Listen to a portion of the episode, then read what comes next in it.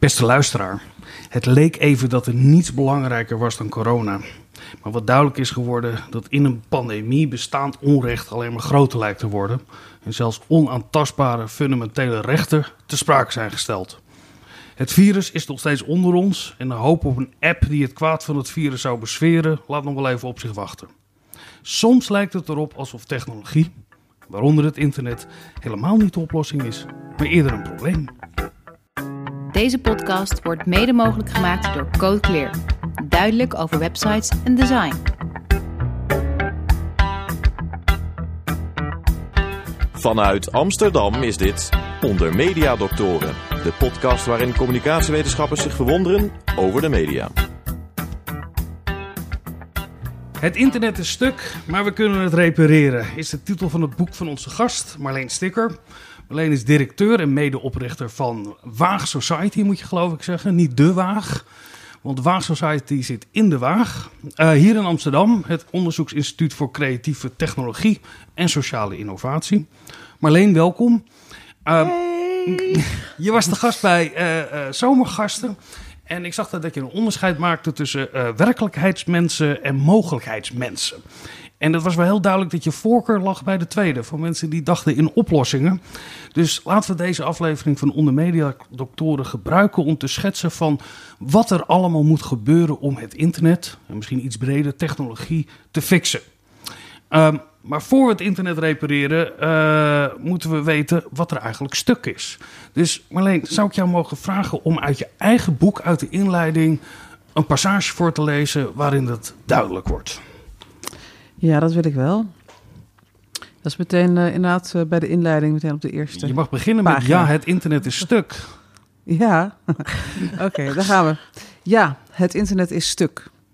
Alle internetgerelateerde technologie is geïnfiltreerd door veiligheidsdiensten, overheden en techbedrijven. Ze zitten in de camera en microfoon van je mobiele telefoon, in je USB-stick, je harddrive, je apps, je speelgoed. Met browsers, zoekmachines, mailprogramma's, spelletjes, stappentellers, deelstepjes en ovulatie-apps maken datadieven zonder enige scrupules ons onder valse voorwenselen persoonlijke data afhandig. We worden genudged, getrold, gefake newsed, gegamificeerd. Urenlang schuiven we infantiel balletjes, snoepjes en poppetjes heen en weer en scrollen we door onze nieuwsbubbel. Het is de mens anno nu, vervlochten met gadgets, gekluisterd aan schermpjes, gretig zijn soevereiniteit verkwanselend in ruil voor gratis diensten. Het internet heeft ons in de tang. Er is geen ontkomen meer aan. Of wel? Daar gaan we het over hebben. Of er toch nog een ont, uh, ontkomen aan is. Uh, naast mij uh, ook mijn vaste mede-mediadokter, dokter Linda Duits. Linda, even vooraf, gaat het nog goed komen, denk je, met internet en technologie? Het gaat nog goed komen met internet en technologie. Maar dan moeten we ons veel meer als burgers op gaan stellen in onze relatie tot het internet um, dan wat we nu doen. En dan nu doen we het vooral uh, als consument. En ik vind het zelf altijd heel irritant dat iedereen altijd opgeroepen wordt om te stoppen met Facebook als Facebook um, uh, zo erg is. Maar dat lost het helemaal niet op. Hè? Uh, Facebook volgt je ook als je geen Facebook-account hebt. Um, en dus we moeten veel meer van onze overheden ook eisen uh, dat zij er iets aan doen. Dat is altijd mijn standpunt. En dan zeg ik er altijd bij: word daarom lid van, of word daarom donateur van Bits of Freedom, de digitale burgerrechten uh, organisatie. Nou, dat heb je nu één keer gedaan. Hartstikke goed. Ga ik straks nog een keer doen. Heel goed. Uh, Marleen, ik wil eens beginnen bij de gebruiker.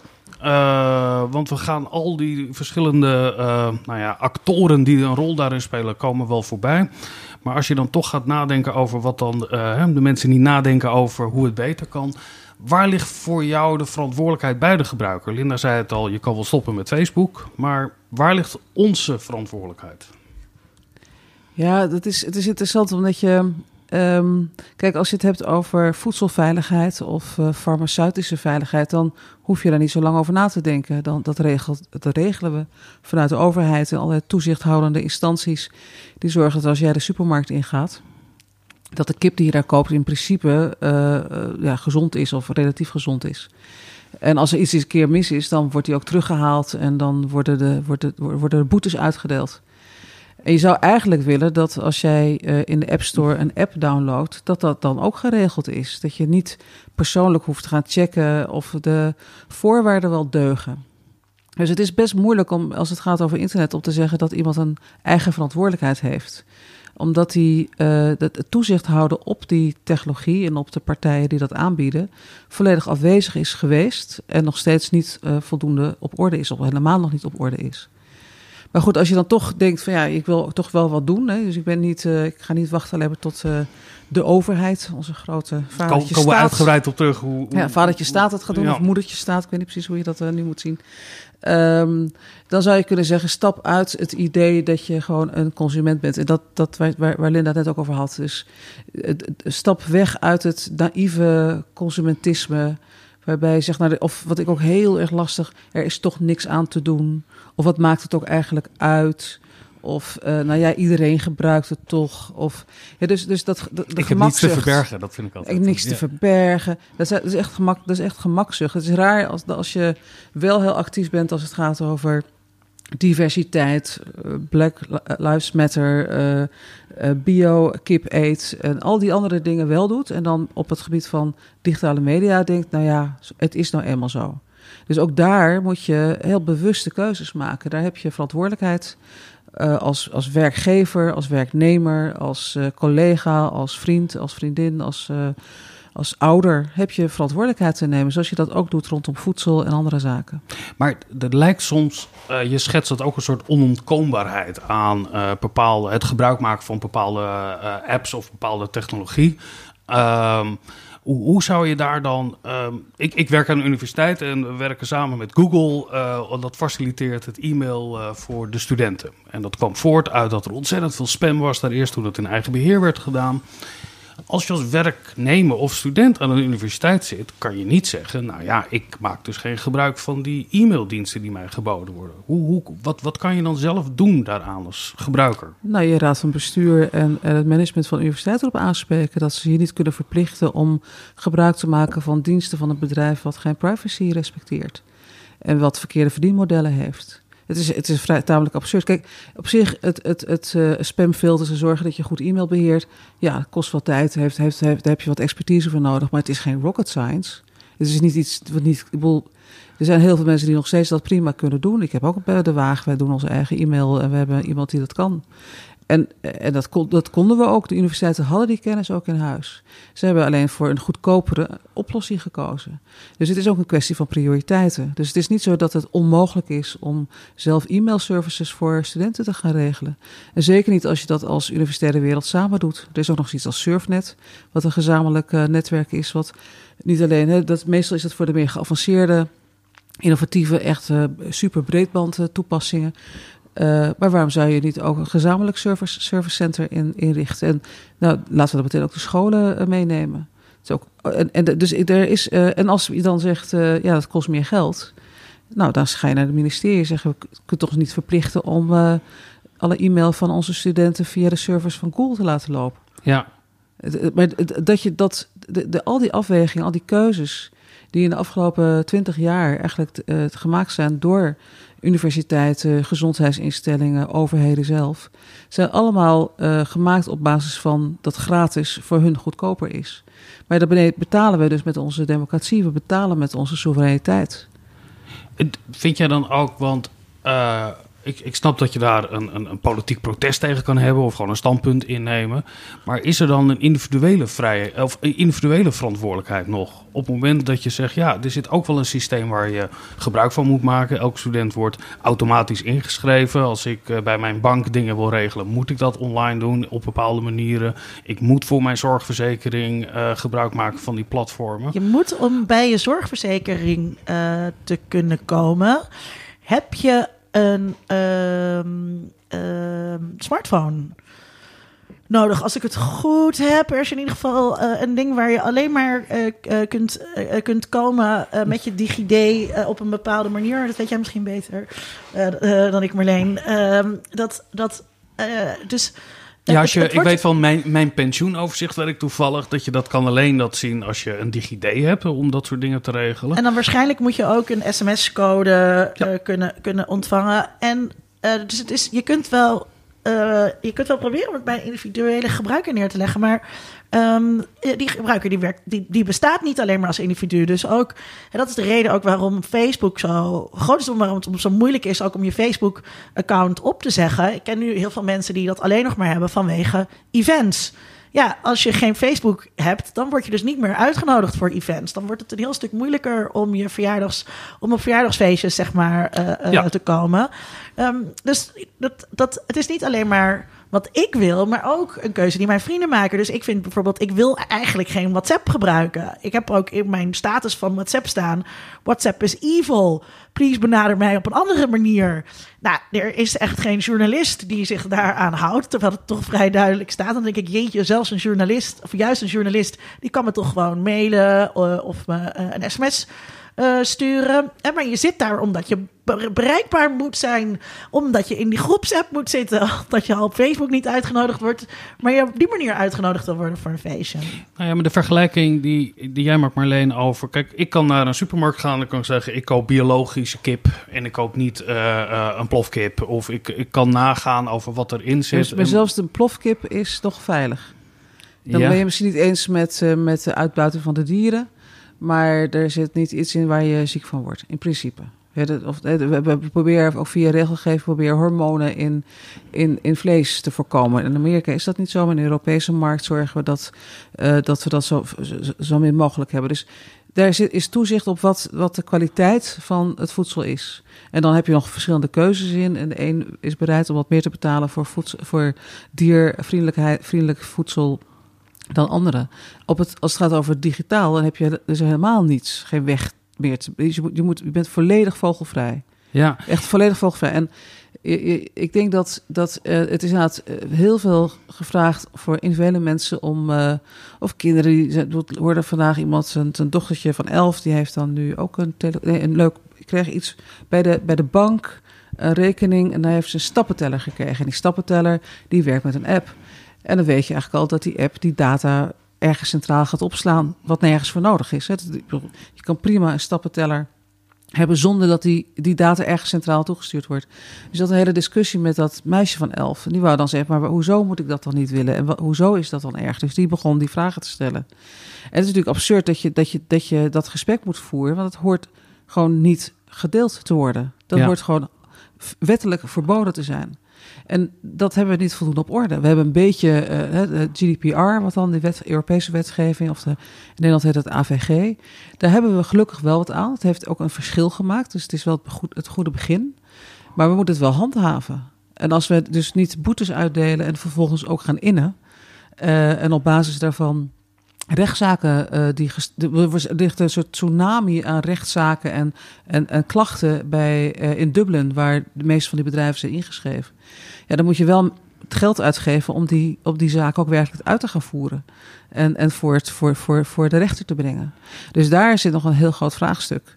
En ik, ik, ik, wat ik wel een beetje lastig vind, is dat, kijk, ik ben in, in, volgens mij is dat in 2013 of 14 hebben we de, het Facebook Liberation Army, het bevrijdingsleger, opgericht. En, dan, uh, en een farewell party. Een farewell, farewell ja. party in de stad Schouwburg. En dat was toen een beetje ongemakkelijk inderdaad. Mensen hadden zoiets van, waarom, het, het is net, gezet, net leuk op Facebook en dan moet het weer weg. ja. Iedereen is er net. Iedereen is er net. Ik heb, ook, geen, ik heb ook geen huis meer. Ja. Zelfs mijn tante van weet ik wel hoe lang geleden zit er nu ook op.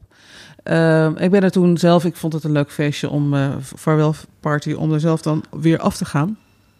Ik heb niet zo heel veel gemist. Er zijn zoveel manieren om mensen te benaderen en te vinden. Dus je vindt je eigen wegen wel. En voor WhatsApp is er een alternatief en dat is Signal. En dat heeft even geduurd. Maar er begint iedereen toch naartoe te stromen. Omdat het gewoon een, een beter, goed ontworpen, beter product is. Waar je, waar je, waar je langs. En omdat dat hebben we dus wel nodig. Want waarom waar, daar eerst met maar weinigen. En dan probeer je ook je familieleden en al die andere groepjes waar je in zit. De ouders van school en zo, die probeer je dan mee te krijgen. En die snappen het dan niet of vinden het niet zo belangrijk. Totdat dan moet ik weer een app op mijn telefoon ja, installeren. Totdat hun werk zegt, ja, je mag niet meer WhatsApp uh, communiceren. Dan moet je dus verplicht Signal installeren. En dat zie je nu gebeuren. Dat werknemers, uh, sorry, werkgevers... Uh, het, het, het, het, niet meer accepteren als je WhatsApp gebruikt. Ik vond En, dus en heel- dat, daar, dat, dat is dus die van. Het gaat me ook om de, de verantwoordelijkheid die organisaties hebben, die ook voor de publieke zaak staan. Maar soms zelfs gewoon private partijen die ook zeggen: ik wil niet dat onze informatie over servers in China gaan lopen. Ik vond het dus heel raar. ehm, eh, na Black Lives Matter protest in eh, Amsterdam.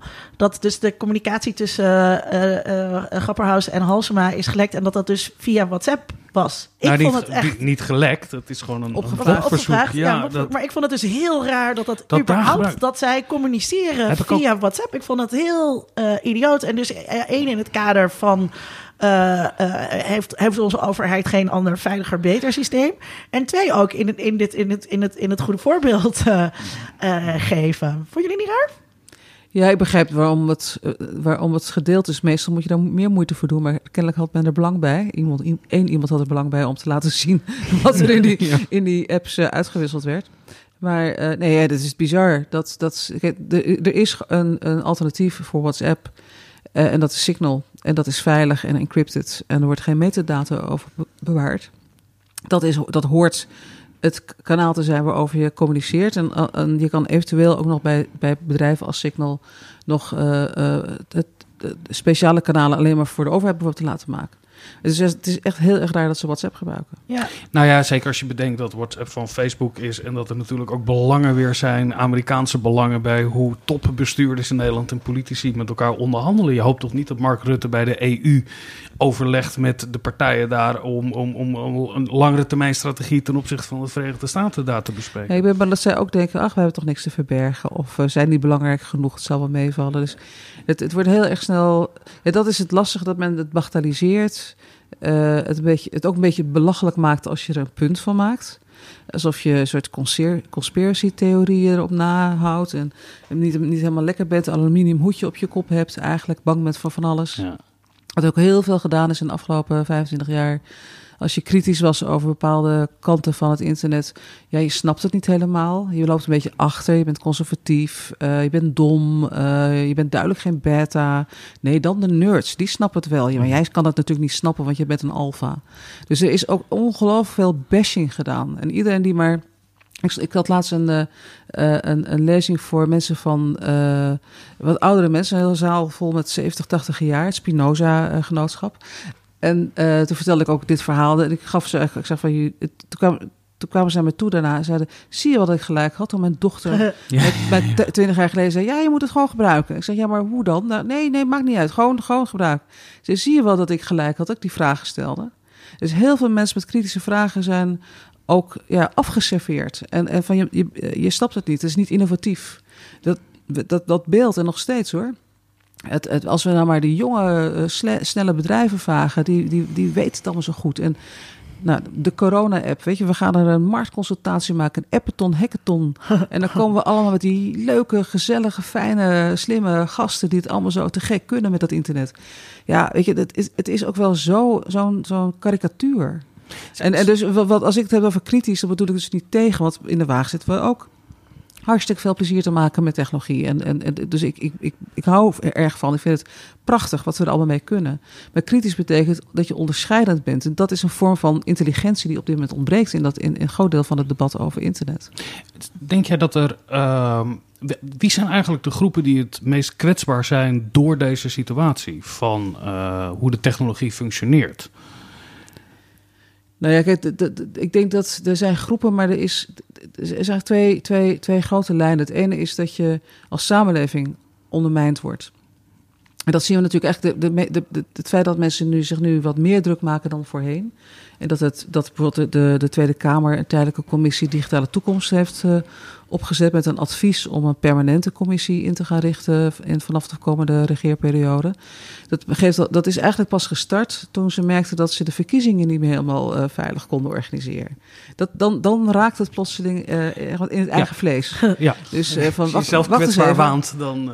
Ja, dus tot dan toe was het zoiets van, nou, het, het maakt niet zo uit. Zelfs, zelfs Snowden was niet voldoende om na te denken over, over ook je staatsveiligheid.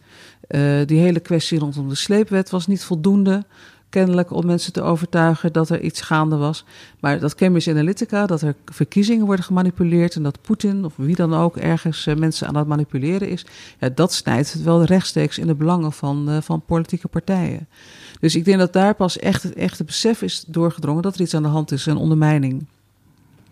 Maar of dat, eh, dus dat is dat, en dat betekent dus als groep, ja, gewoon heel, heel Nederland heel Europa, eigenlijk iedereen die niet, uh, die niet een topdog is als het gaat over toezicht op technologie. Maar de, de, de kwetsbare groepen zijn uh, echt. Uh, het probleem is, wij zijn allemaal manipuleerbaar. Het is niet zo dat je zegt, oh, dat zijn die mensen die laag opgeleid zijn, want die zijn manipuleerbaar en die worden achter um, bepaalde ideeën gezet, of die, worden, die krijgen wel of niet, worden ze gemanipuleerd. dat, dat geldt net zo goed voor ons. En dat spel is gaande. En, en, en, en dat stuk, denk ik van ja, probeer zelf maar eens te begrijpen. Of je nog je eigen keuze, of de keuzes die je maakt, of die nog van jouw eigen afwegingen afkomstig zijn, of op basis van de informatie die je hebt gekregen. En weet jij dan nog zeker of de informatie die je hebt gekregen, uh, wat daar de achtergrond van is? Ik, ik kreeg daar. Ja, nee, dat. dat ja, maar eh, Linda. Ja, uh, um, um, al oude vraag uit mediawetenschappen natuurlijk. Nou ja, en, en over uh, die verantwoordelijkheid van gebruikers, wat ik mooi vind, uh, wat Marleen opschrijft. Um, in, in, haar boek. We zijn vervreemd geraakt van de wereld van technologie. Dus we denken juist dat we in een super technologie. Ik vind het ook altijd grappig. Technologie betekent ook altijd nieuwe technologie. Terwijl we praten hier door een microfoon, dat is ook technologie. en een pen, deze ballpoint, uh, is ook technologie. Maar dus, Zelfs de tafel waar we aan zitten, zou ik ja, zeggen. Um, maar dus er, er, over die nieuwe technologie wordt altijd gedaan dat we, dat we zo in een tech-tijd zitten... of dat er gesproken wordt over digital natives. Um, terwijl uh, ik ben opgegroeid met een computer die je commando's moest geven. En daardoor had je enig begrip van hoe dat besturingssysteem in elkaar zat. En wat überhaupt een besturingssysteem is en hoe een computer werkt. Um, en dat is nu uh, niet meer zo. En, um, en wat, wat Marleen opschrijft. Uh, of wat Marleen schrijft, we, we, hebben apparaten die je niet meer open kan maken zelf. En we weten dus juist veel minder volgens mij van al die technologie uh, uh, die we gebruiken. En dat betekent ook dat het veel moeilijker is om te doorzien als gebruiker wat die technologie nou precies doet en wat daar gaande is met zo'n stappenteller-app. Hoe werkt dat nou precies? Uh, en, dat, en dat vereist um, nogal wat. En dat vereist vooral, volgens mij, heel veel tijd om dat te doorgronden. En die tijd, die ga je, die ga je gaan de meeste mensen niet nemen. Nee, maar je ziet het, ik, ik herken vooral de verhalen. Dat gesprek over die stappenteller, dat, dat, duurde, dat duurde niet vijf minuten. Ik, ik denk dat ik elke week wel een keer een verhaal lees over een oudere meneer of mevrouw die dan uh, geld heeft gestort via WhatsApp omdat ze denken dat hun zoon of dochter in de problemen zit.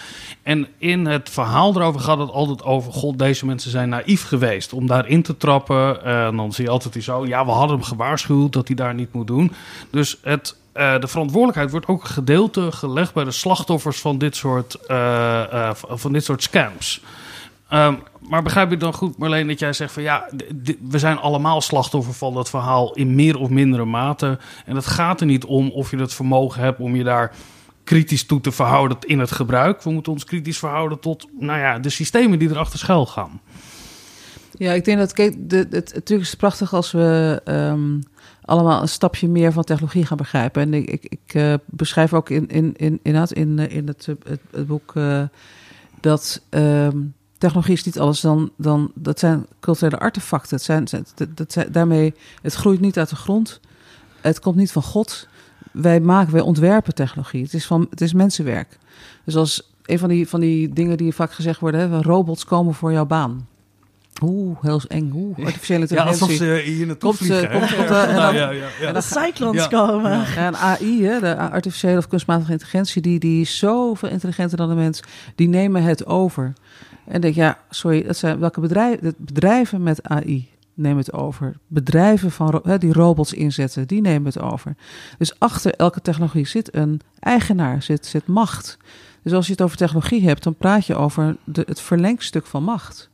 Dus degene die de, de hamer in handen heeft, heeft meer in handen dan iemand die geen hamer heeft. Of een zaag, of een maaimachine, of een dorstmachine, of een computer, of een artificiële intelligentie.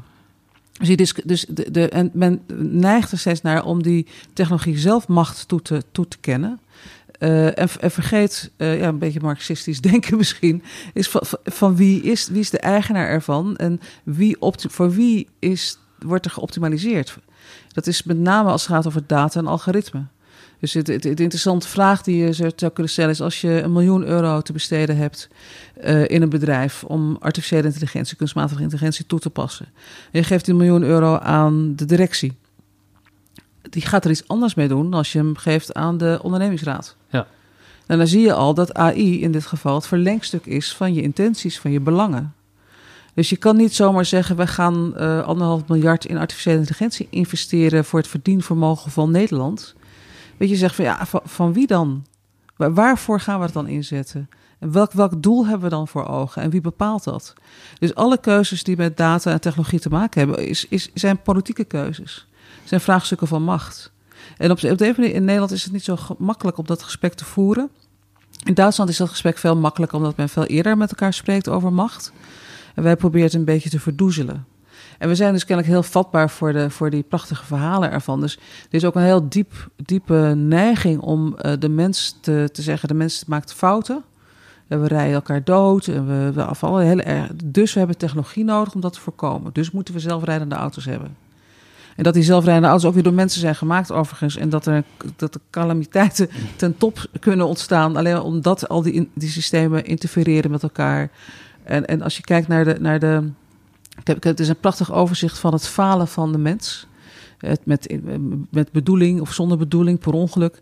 Maar als je, als je, ik heb een hele beschrijving gemaakt hoe de technologie ons faalt op, op honderden manieren.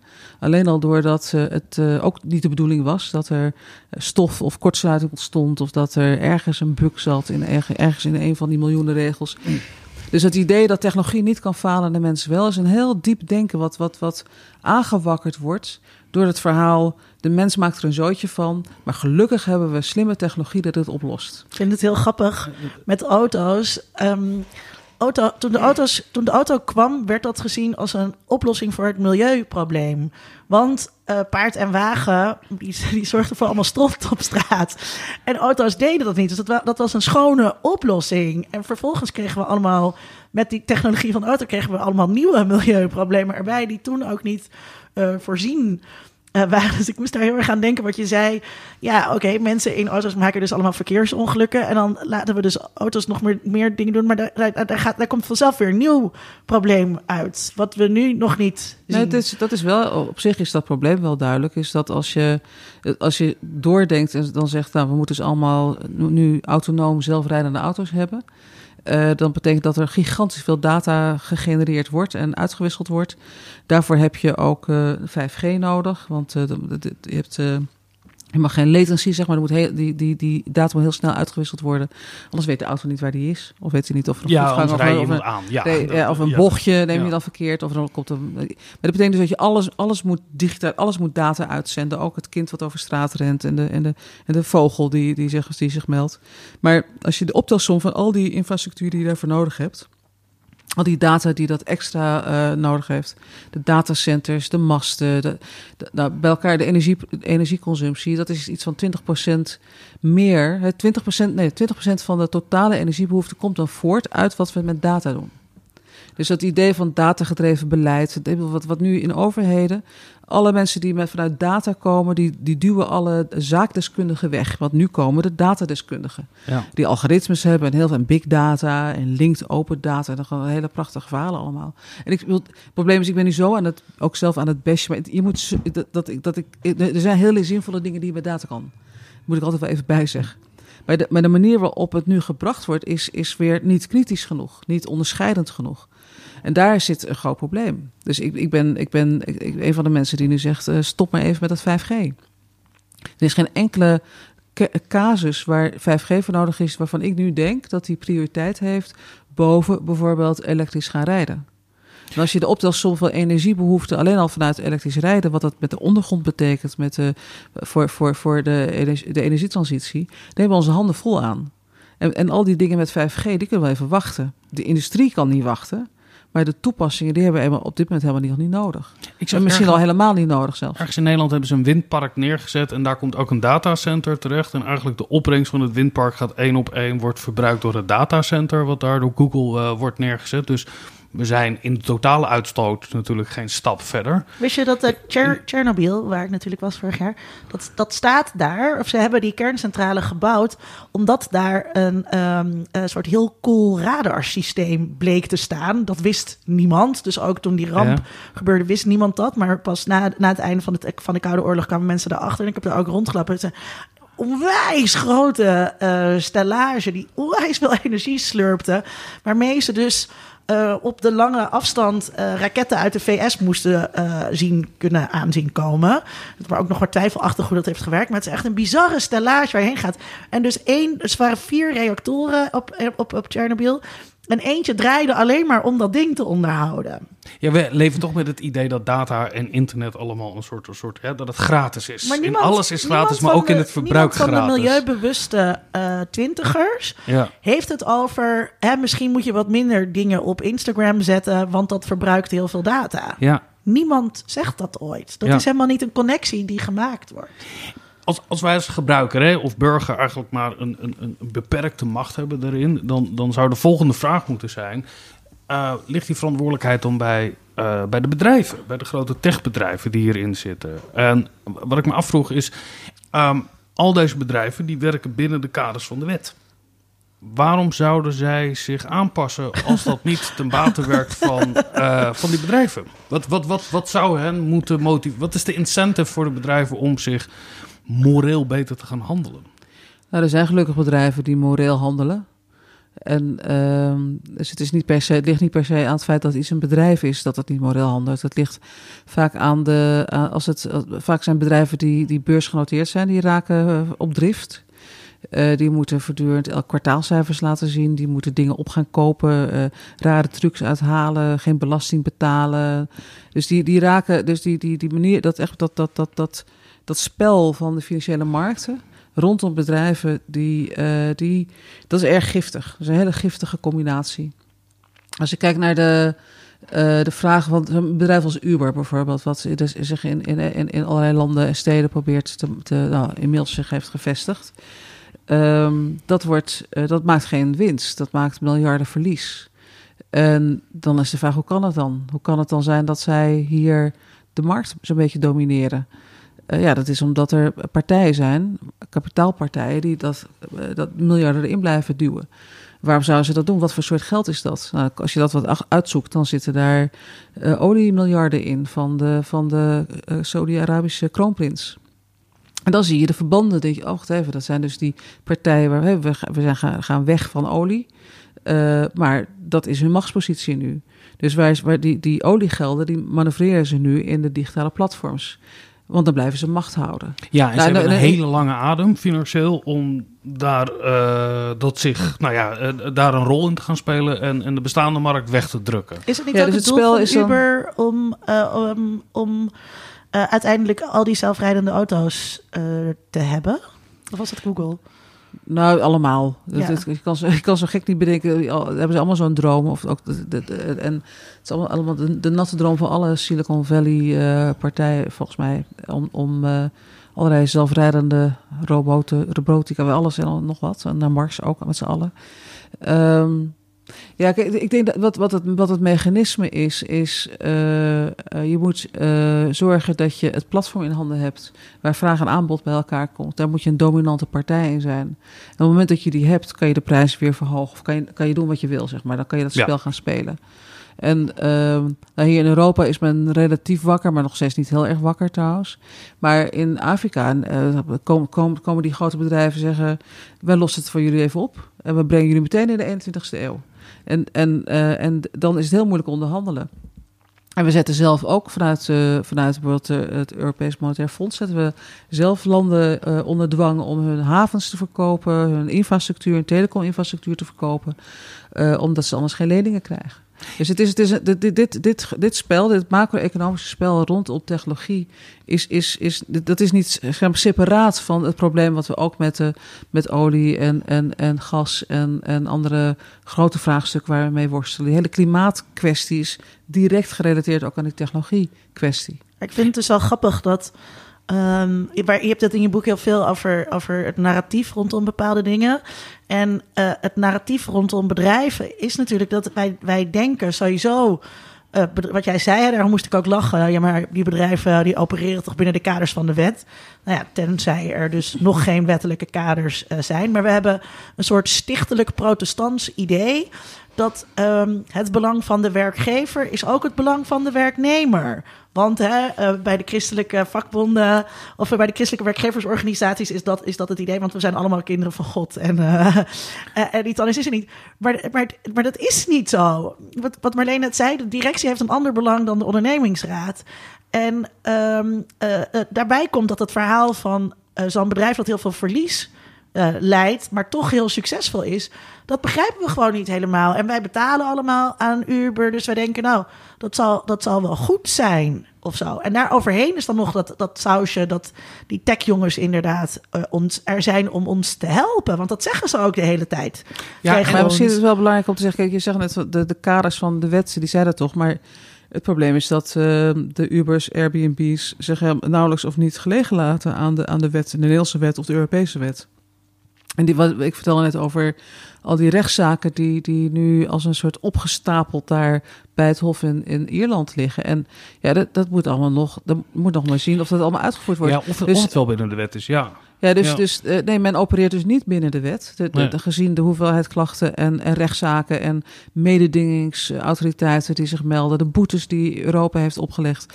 Dus nee, men houdt zich niet aan de wet en zeker niet aan onze wetten. Dus, maar het, het, het vraagstuk daarbij is, is uh, ook niet of. Al, kijk, het, het, is een bepaald type bedrijf die zich uh, met, met dit gedrag bezighoudt. Er zijn ook heel veel familiebedrijven, er verschrikkelijk bedrijven die zich wel netjes aan de regels houden. En waar wel iets van die, van die overeenstemming is van uh, het belang van het bedrijf, is ook het belang van de werknemer, want het gaat over continuïteit.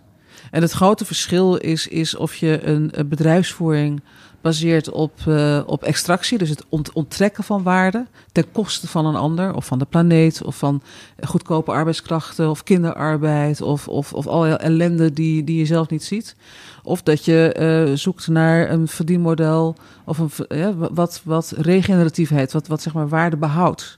Wat zorgt dat iedereen netjes ja. betaald wordt voor het proces. Nou, dat, dat, heeft, dat heeft iets met moraal te maken. Het heeft iets met, uh, met, uh, maar ook met, met de mechanieken achter die bedrijven. En ik denk die, die beursgenoteerde bedrijven die kapitaal cumuleren en dus ook opgekocht worden en verkocht worden.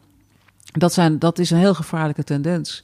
En wat, waar we nu mee zitten, in KPN herkennen wij als gewoon eigenlijk het was een Nederlands bedrijf, het was een staatsbedrijf.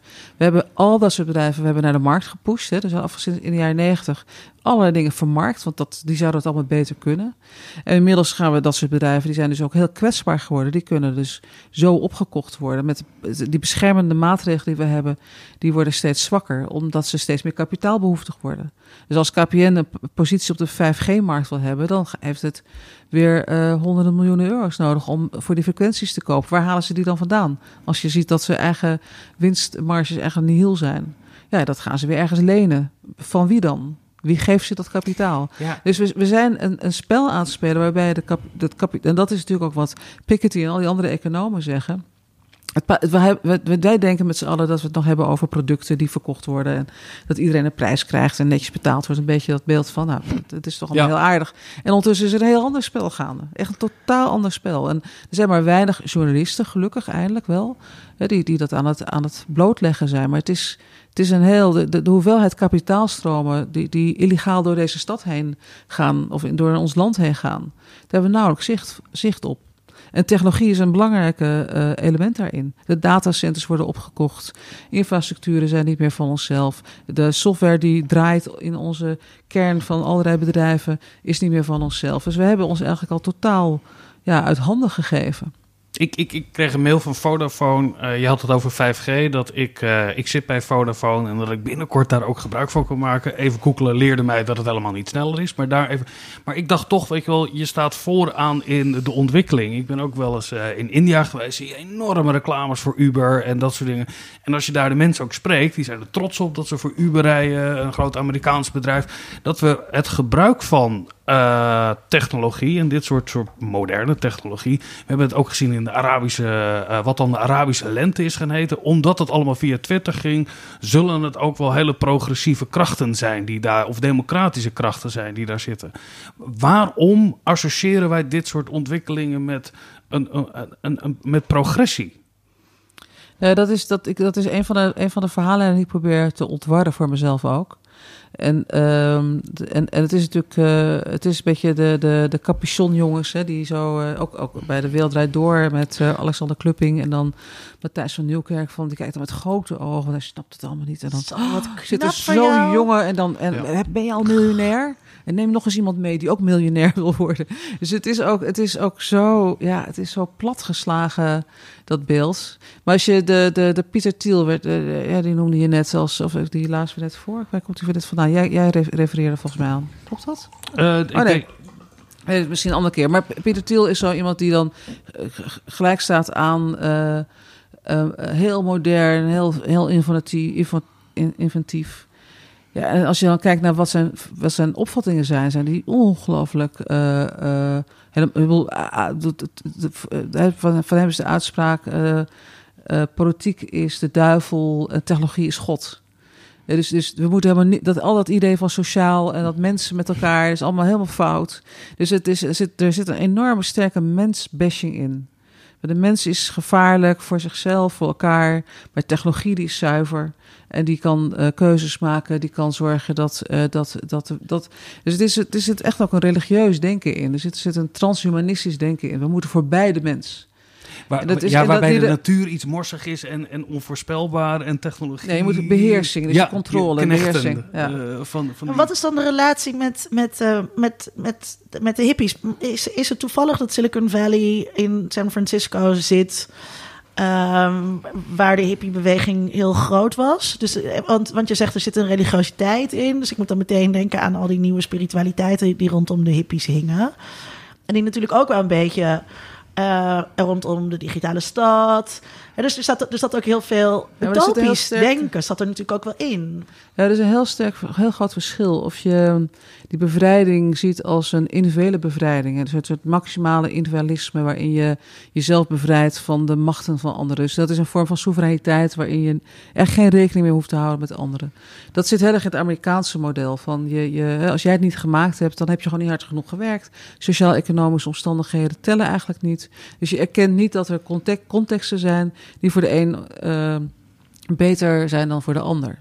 En dus een heel groot deel van die hippiebeweging uh, en ook nog steeds ook Burning Man bijvoorbeeld. Dat, dat, dat zijn eigenlijk hele decadente bijeenkomsten. Waar, waar je dan nog. Dus dat hippie, die hippie kant kan ongelooflijk decadent zijn kan ook de zelfkant zijn waarin je hè, de, de, de, aan, aan de drugs raakt. Weet ik wel. Maar het kan ook zijn van, uh, ik kan me, geen, kan me helemaal niks meer schelen wat de rest van de wereld...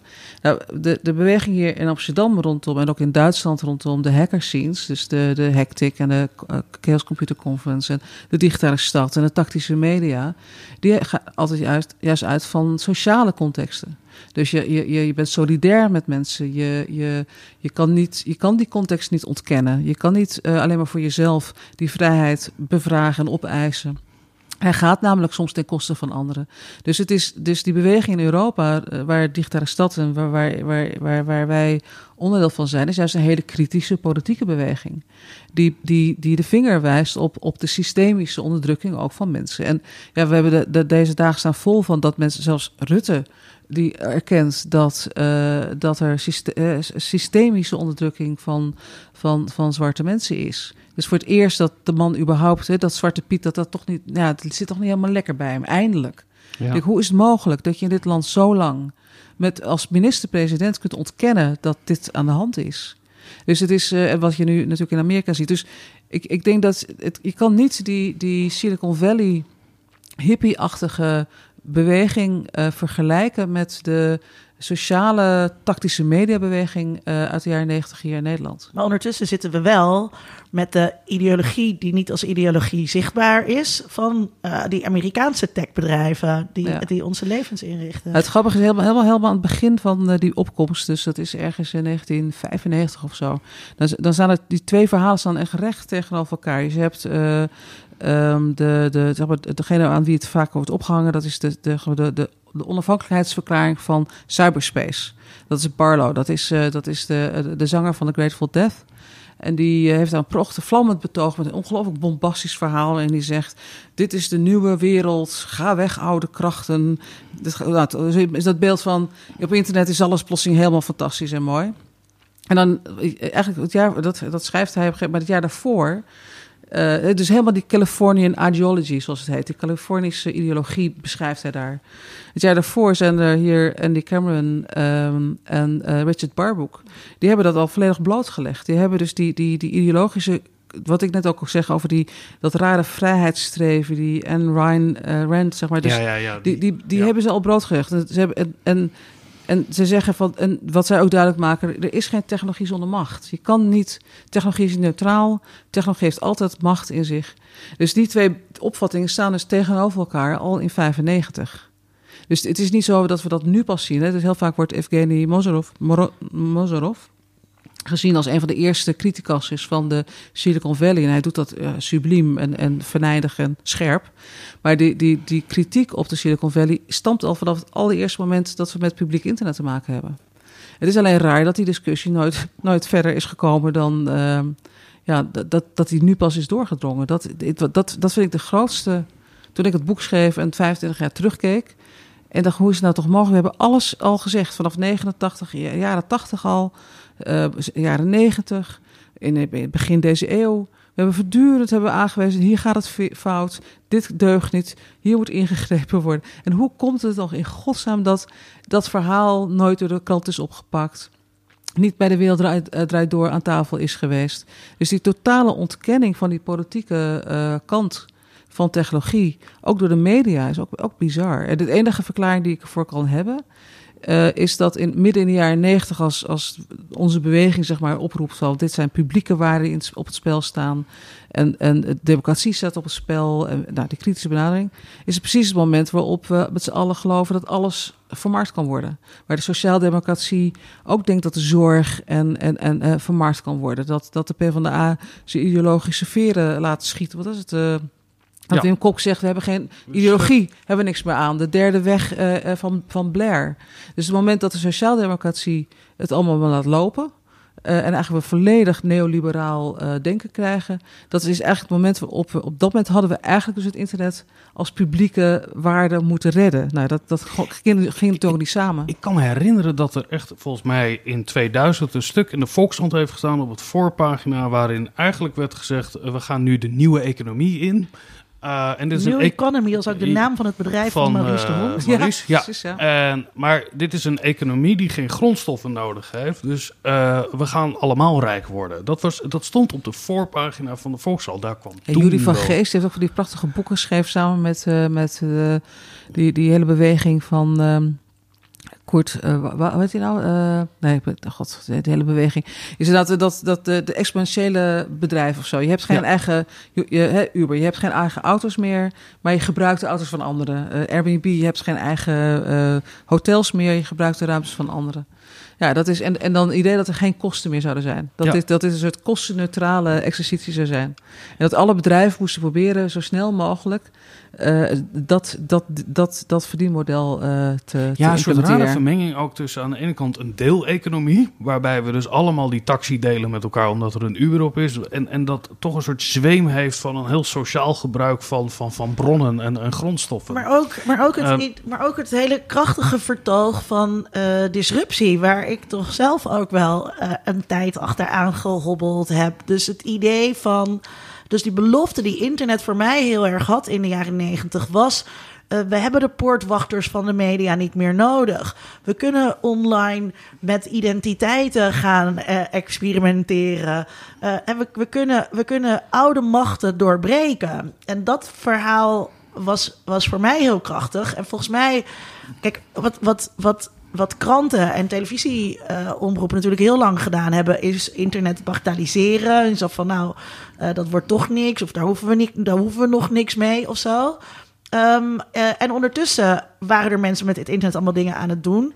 Maar die, dat waren dan, lijkt mij ook niet de mensen die dan in een krant gingen op een opiniestuk gingen schrijven van misschien moeten we hier even de rem eh, eh, opzetten. Of misschien waren kranten ook niet geïnteresseerd in zulke soort opiniestukken. Ja. Ja, wat denk- jammer is geweest. Wat Nee. wel jammer is geweest. Kijk, ik, de, de begintijd eh, met de digitale zolder van VPRO. En er er hebben ongelooflijk veel mensen geprobeerd om die publieke omroep een, een plek te geven. Eh, en dus de taak van publieke omroep ook op het internet vorm te geven. Maar dat is eh, door die krachten, die, die, die, maar, er zitten, zitten ook ongelooflijk conservatieve krachten in de omroepen. Die hadden er helemaal geen zin in. Precies. Dus, die, die, die, dus daar, zit, daar zit conservatisme in. in die, en echt alle mensen die dat aan het doen waren, zijn op een gegeven moment dan maar weggegaan. Want het, het- het- het- ik, ik ken er ja, bosjes van hele, hele goede mensen die hebben nooit een voet aan de grond gekregen. Maar en ondertussen op een gegeven moment ook nog eens een keer vanuit eh, met name de VVD dan gezegd, nou, die, die omroep die mag niet op het internet. Ja, het niet, niet, die mag niet op het internet nieuwe producties maken, want dat is markt. Dat hoeft niet. We hoeven geen publiek domein eh, te creëren. Dus het is, het is van twee kanten gekomen. En ik denk dat die, die, die ehm, voor zover mensen dat zijn gaan.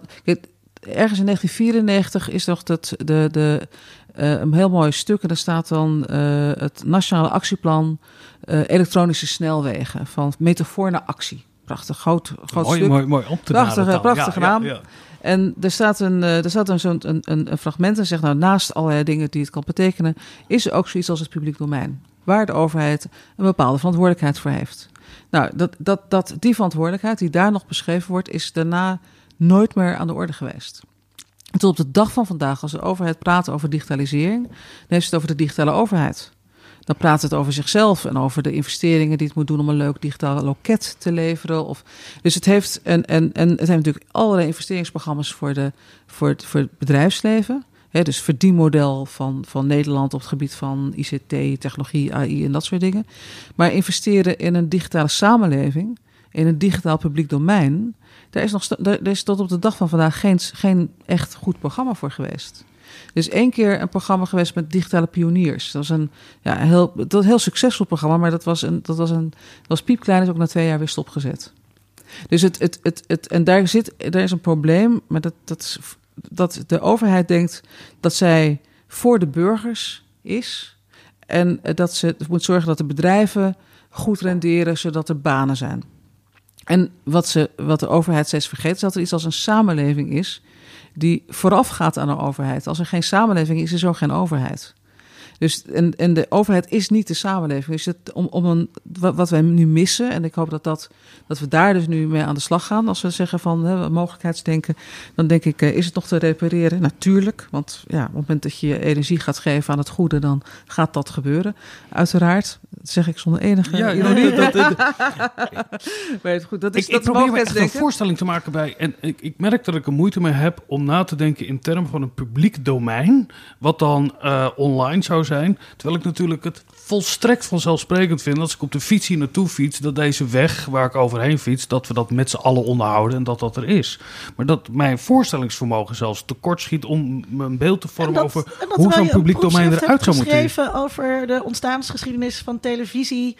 Waarbij er toen ook een strijd, of toen, er Ja, was toen ja, een strijd het- tussen het- het- commerciële Het krachten. private en het publieke. Ja, Ja. dat, dat, dat, waarbij uiteindelijk het publieke heeft gewonnen. Eh, eh, ja, gedeeltelijk. Dat is Som- andersom gegaan. Ja, nee, maar, precies, maar heel lang, ik bedoel, het duurde heel lang voordat de commerciële eh, erbij mochten. Nou ja, dat, dat, dat achteraf geredeneerd, de, de, de weerstand die er toen was tegen Brinkman, geloof ik, om dat open te stellen, of tenminste om dat te behouden, is wel, misschien achteraf heeft hij daar wel meer gelijk in gekregen dan dat we toen dachten. Maar Toen hoe anders was het gegaan als, tuttigheid gezien. als de omroepen vanaf het begin hadden gezegd: oké, ehm, wij, wij moeten zorgen dat wij hier zitten vanuit hetzelfde idee waarom ze bij de televisie wilden Ja. zitten, vanuit het idee van de kwetsbare kijker, wat de titel van je proefschrift is, hè, van de, de kwetsbare internetgebruik, wat ik geen goed vertoog vind, maar hadden hadden gezegd: nou ja, er- er zijn hier allerlei mogelijkheden om de democratie te ondermijnen, om de journalistiek Nou ja, te in- in- ondermijnen. in 51 zei wij, wij gaan de burgers daartegen beschermen. Televisie is te machtig om over te laten aan de Ja, maar vrije dat is markt. toch. Eh, maar, eh, maar jij praat helemaal vanuit een negatief van beschermen. Maar je kan het. Het ook doen omdat je... Uh, publiek domein hebben we nodig om te ademen... om met elkaar maatschappij te vormen. Om, het is heel constructief. Dus, Ja, dus nee, het is ik- formuleer voorwaardelijk. Dus, dus, nee, maar dus, nee, maar dat vind ik het eigenlijk het allergekst. Dat, dat bedoel, Ja, de- de- van, ik vind het dus, dus er, er is een, en er zat, er is in de jaar, ik heb me nog ooit net voor NL bedacht met, eh, met Bruno Felix. We hebben van alles geprobeerd om, om eh, we hebben publiek domein 2.0, waar we dit hele argument op, op tafel hebben gelegd van we hebben die publieke infrastructuur nodig. De enige echte publieke infrastructuur die ook richting die, het internet ging, dat is Salto. En dat was een digitale stad uiteraard. Als we die coalitie eerder hadden gemaakt, eh, hadden we daar misschien nog... eh, en ik ben nu bezig overigens in Amsterdam om dat weer opnieuw tot stand te brengen. Dus te kijken of we een, publiek, een digitaal domein voor deze stad kunnen maken. eh, met principes die zo algemeen zijn dat je die, die ook elders kan herhalen. Dus het moet natuurlijk gewoon het standaarden zijn die, eh, die wereldwijd eh, ontwikkeld worden en waar wij aan kunnen bijdragen. Maar het, wat het raar is, het is dus heel. Het, als, je, als, je, als je het vanzelfsprekend vindt dat mensen zichzelf willen organiseren. Dus jij, wat jij net zei, van ik was zo enthousiast, want het was dus disruptief. Want het bood allerlei mogelijkheden. Ja, dus het, het internet snijdt aan twee kanten. Dus elke keer is het lastig aan het verhaal. Het levert degene. Je, je kan het gebruiken om mensen macht te geven. En je kan het gebruiken om mensen te controleren. Nou, dat, zijn, dat is een keuze waar je voor staat. Dus jouw gevoel van doorbraak is meer mensen de positie geven dat ze zonder tussenkomst van anderen hun, hun publiek kunnen bereiken. Nou, dat was zeker in, in de jaar, begin jaren negentig heerlijk, want die televisieprogramma's. Die, die waren, zaten op slot. Alle, tot op de dag van vandaag zitten ze op slot. Dus dat je zelf een podcast kan organiseren. En weet, is natuurlijk, blijft gewoon echt fantastisch. Is, er is niks aan, hoeven we niks aan af te, af te halen hoe, hoe fijn het is dat wij het internet hebben met Ja. elkaar. Maar ondertussen zijn, we- zitten we in platforms eh, georganiseerd die zoveel macht hebben gehad dat die definiëren eh, onder welke algoritmische eh, berekeningen iemand wel of niet jouw jouw filmpje ziet of jouw jouw of je vrienden wel of niet jouw post zien.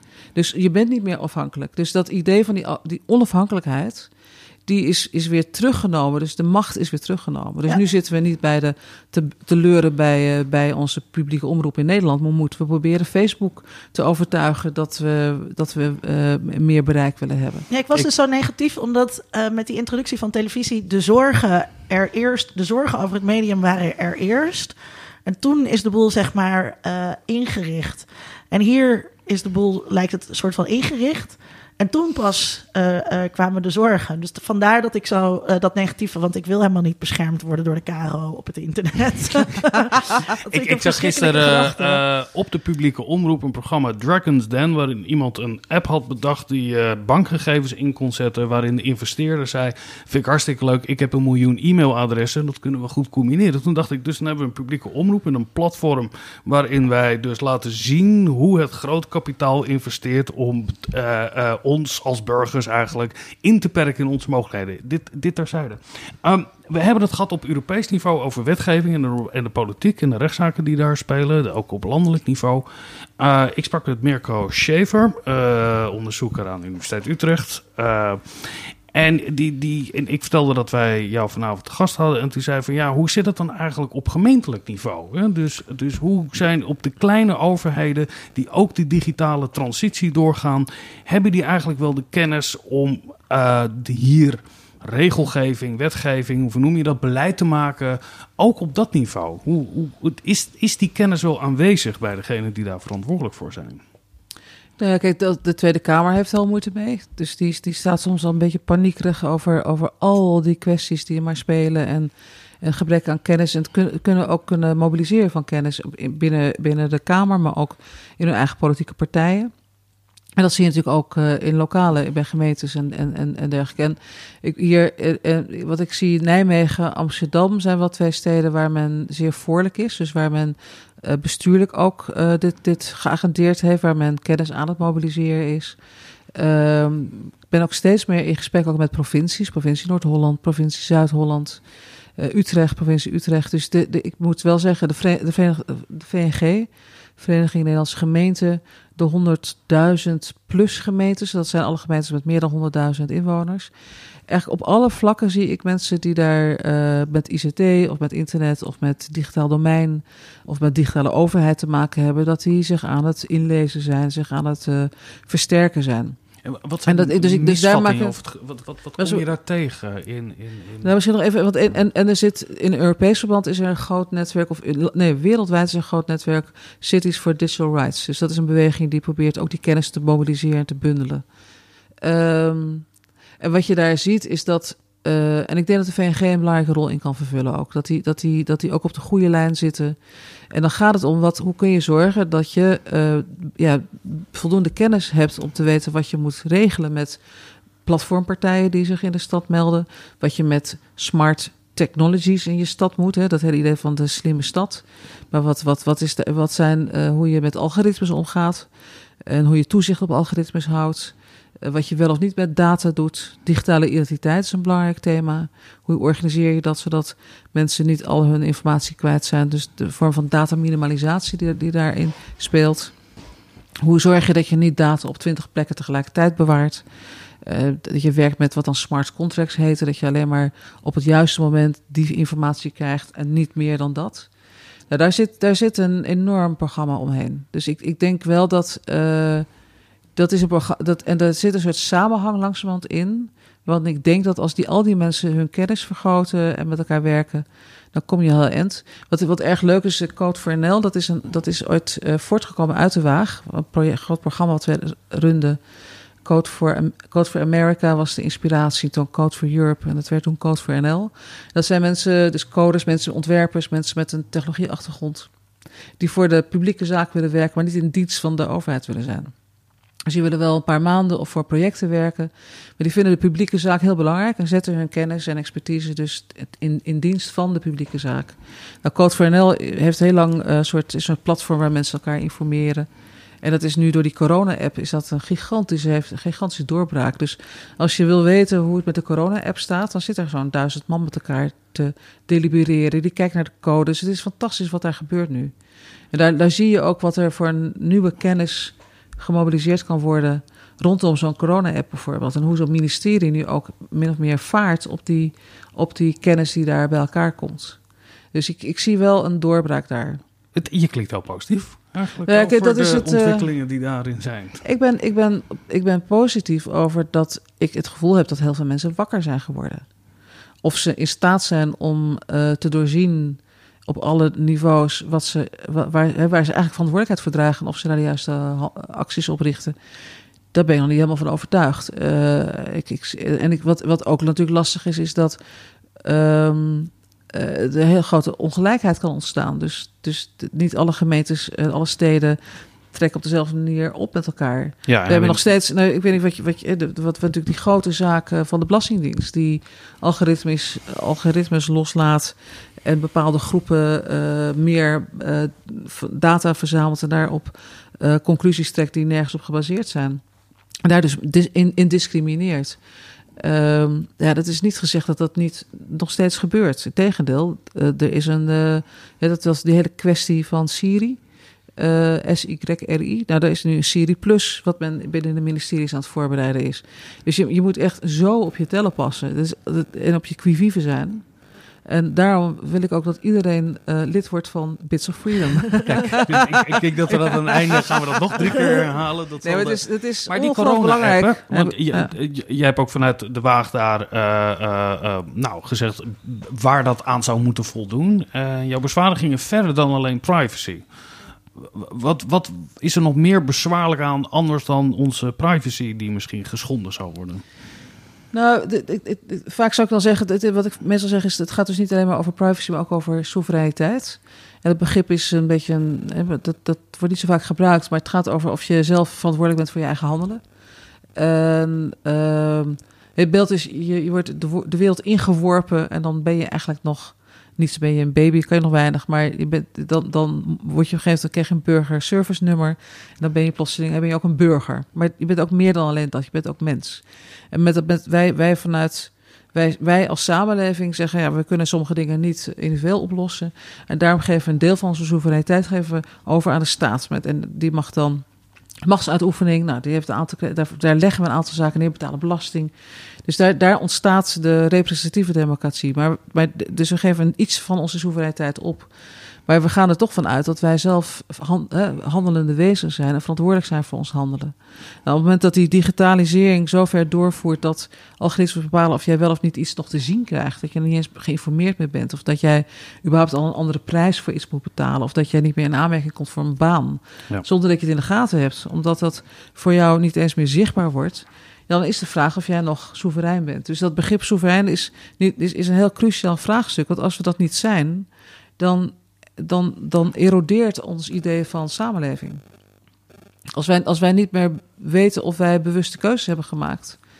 Dus ik, ik vind het ook dat, dat ik heb de analyse van, of de, een voorbeeld van, uh, van bewindvoerderschap. Ik ben, mijn tante uh, kreeg Alzheimer. Dan heb je een hele procedure voordat jij bewindvoerder bent. En dan wordt er, toe, op je, er wordt ook echt toezicht op je gehouden of jij niet in, iemand benadeelt. En voor een heel groot deel, door die datakant die van ons afgenomen is, wordt er al voor ons besloten.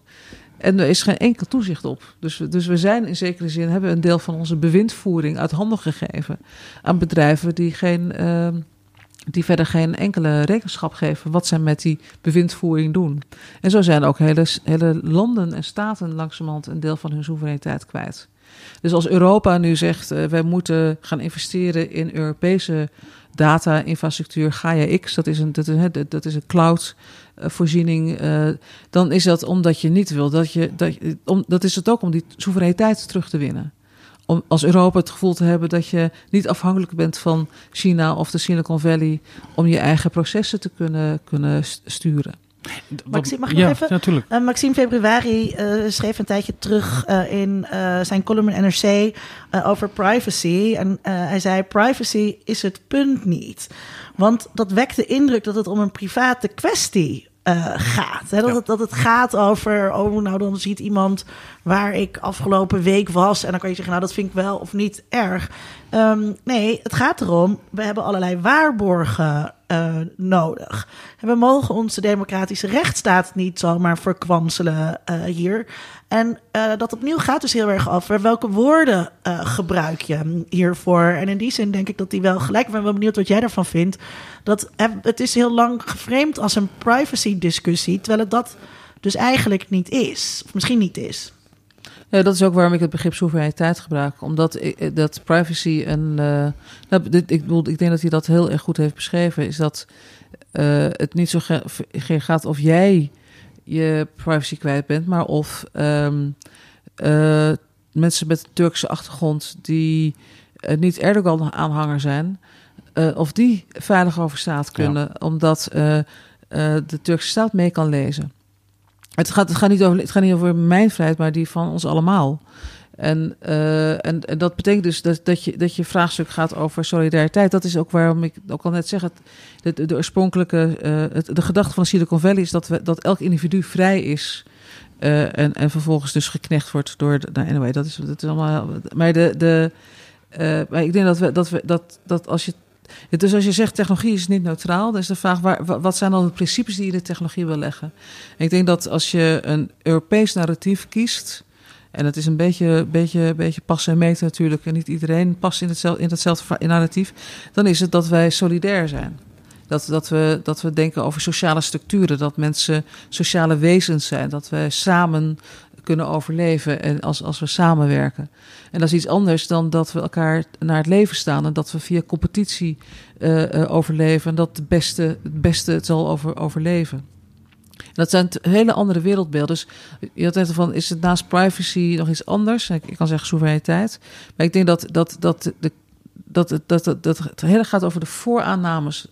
Je, je, je, je, je denkbeelden die voorafgaan aan wat je, hoe, hoe je de technologie inzet. En daar is, daar, dat, dat gesprek zouden we ook met elkaar moeten voeren.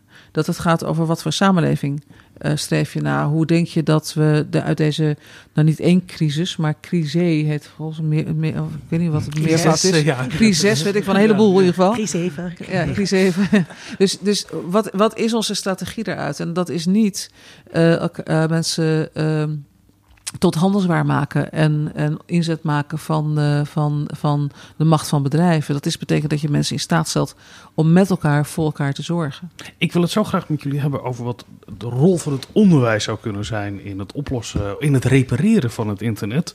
Maar laten we eerst luisteren naar de bijdrage van Marijn Joop, die na heeft gedacht over het internet. Ik ben Oscar Behagel, ik uh, ben mediavormgever in opleiding. En uh, ik ben heel erg actief op social media en daar maak ik uh, grapjes.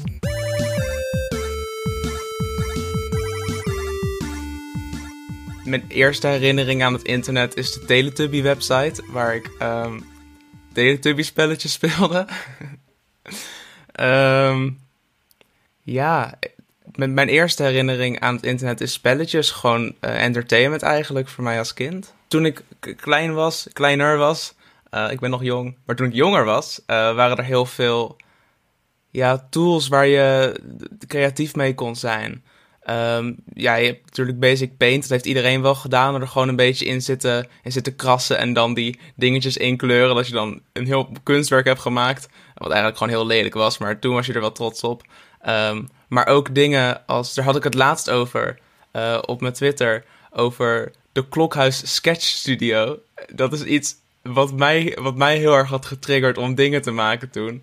Als ik kijk naar wat ik nu doe um, op creatief gebied en dan kijk naar wat ik als kind deed, dan zie ik heel veel uh, overeenkomsten.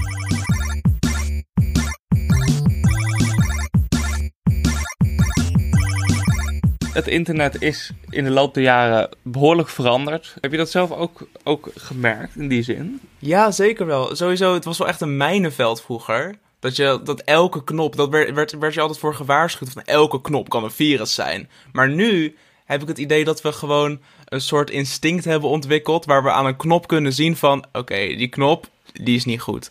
Ik denk echt dat, dat onze generatie een soort van basis heeft uh, op, op digitale kennis die andere generaties niet hebben. Als je kijkt zeg maar, naar onze ouders, we hebben niet dezelfde ouders, maar wel dezelfde generatie, um, voor de duidelijkheid. Um, die, voor hun waren computers ineens nieuw, weet je. Dat kwam erbij in hun leven toen ze al ouder waren. Maar voor ons is het er altijd al geweest.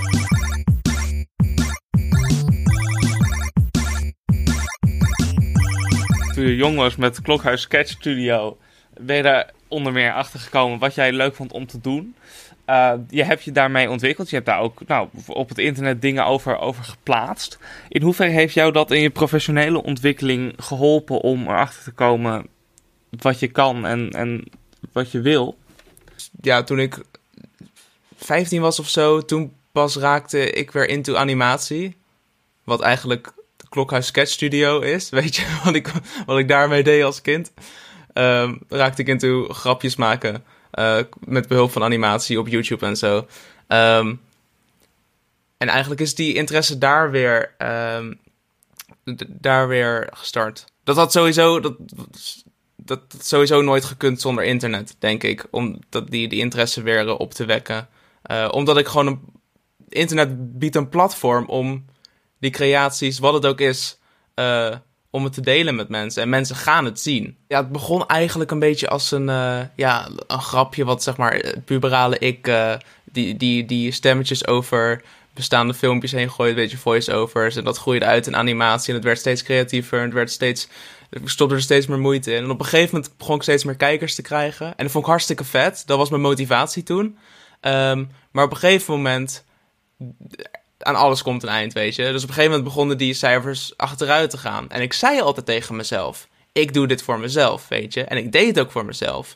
Maar ik voelde toch dat ik er minder zin in had. En ik, op een gegeven moment begonnen mensen te zien van... hé, hey, je cijfers gaan achteruit, weet je. Hey, je abonnees, hey, je, je weergave, je likes gaan achteruit. En ik dacht van, kut, Mensen hebben het door, terwijl het helemaal nergens op slaat eigenlijk. Want er wordt zoveel op het internet gezet. Er is zoveel waar je jezelf mee kan vergelijken. En er is zoveel waar andere mensen jou mee kunnen vergelijken. Dat het best wel eng is, denk ik. Mijn grootste angst is eigenlijk dat mensen er niks van vinden. Dat het er gewoon is. Dat vind ik, uh, dat is voor mij de, het grootste gevaar.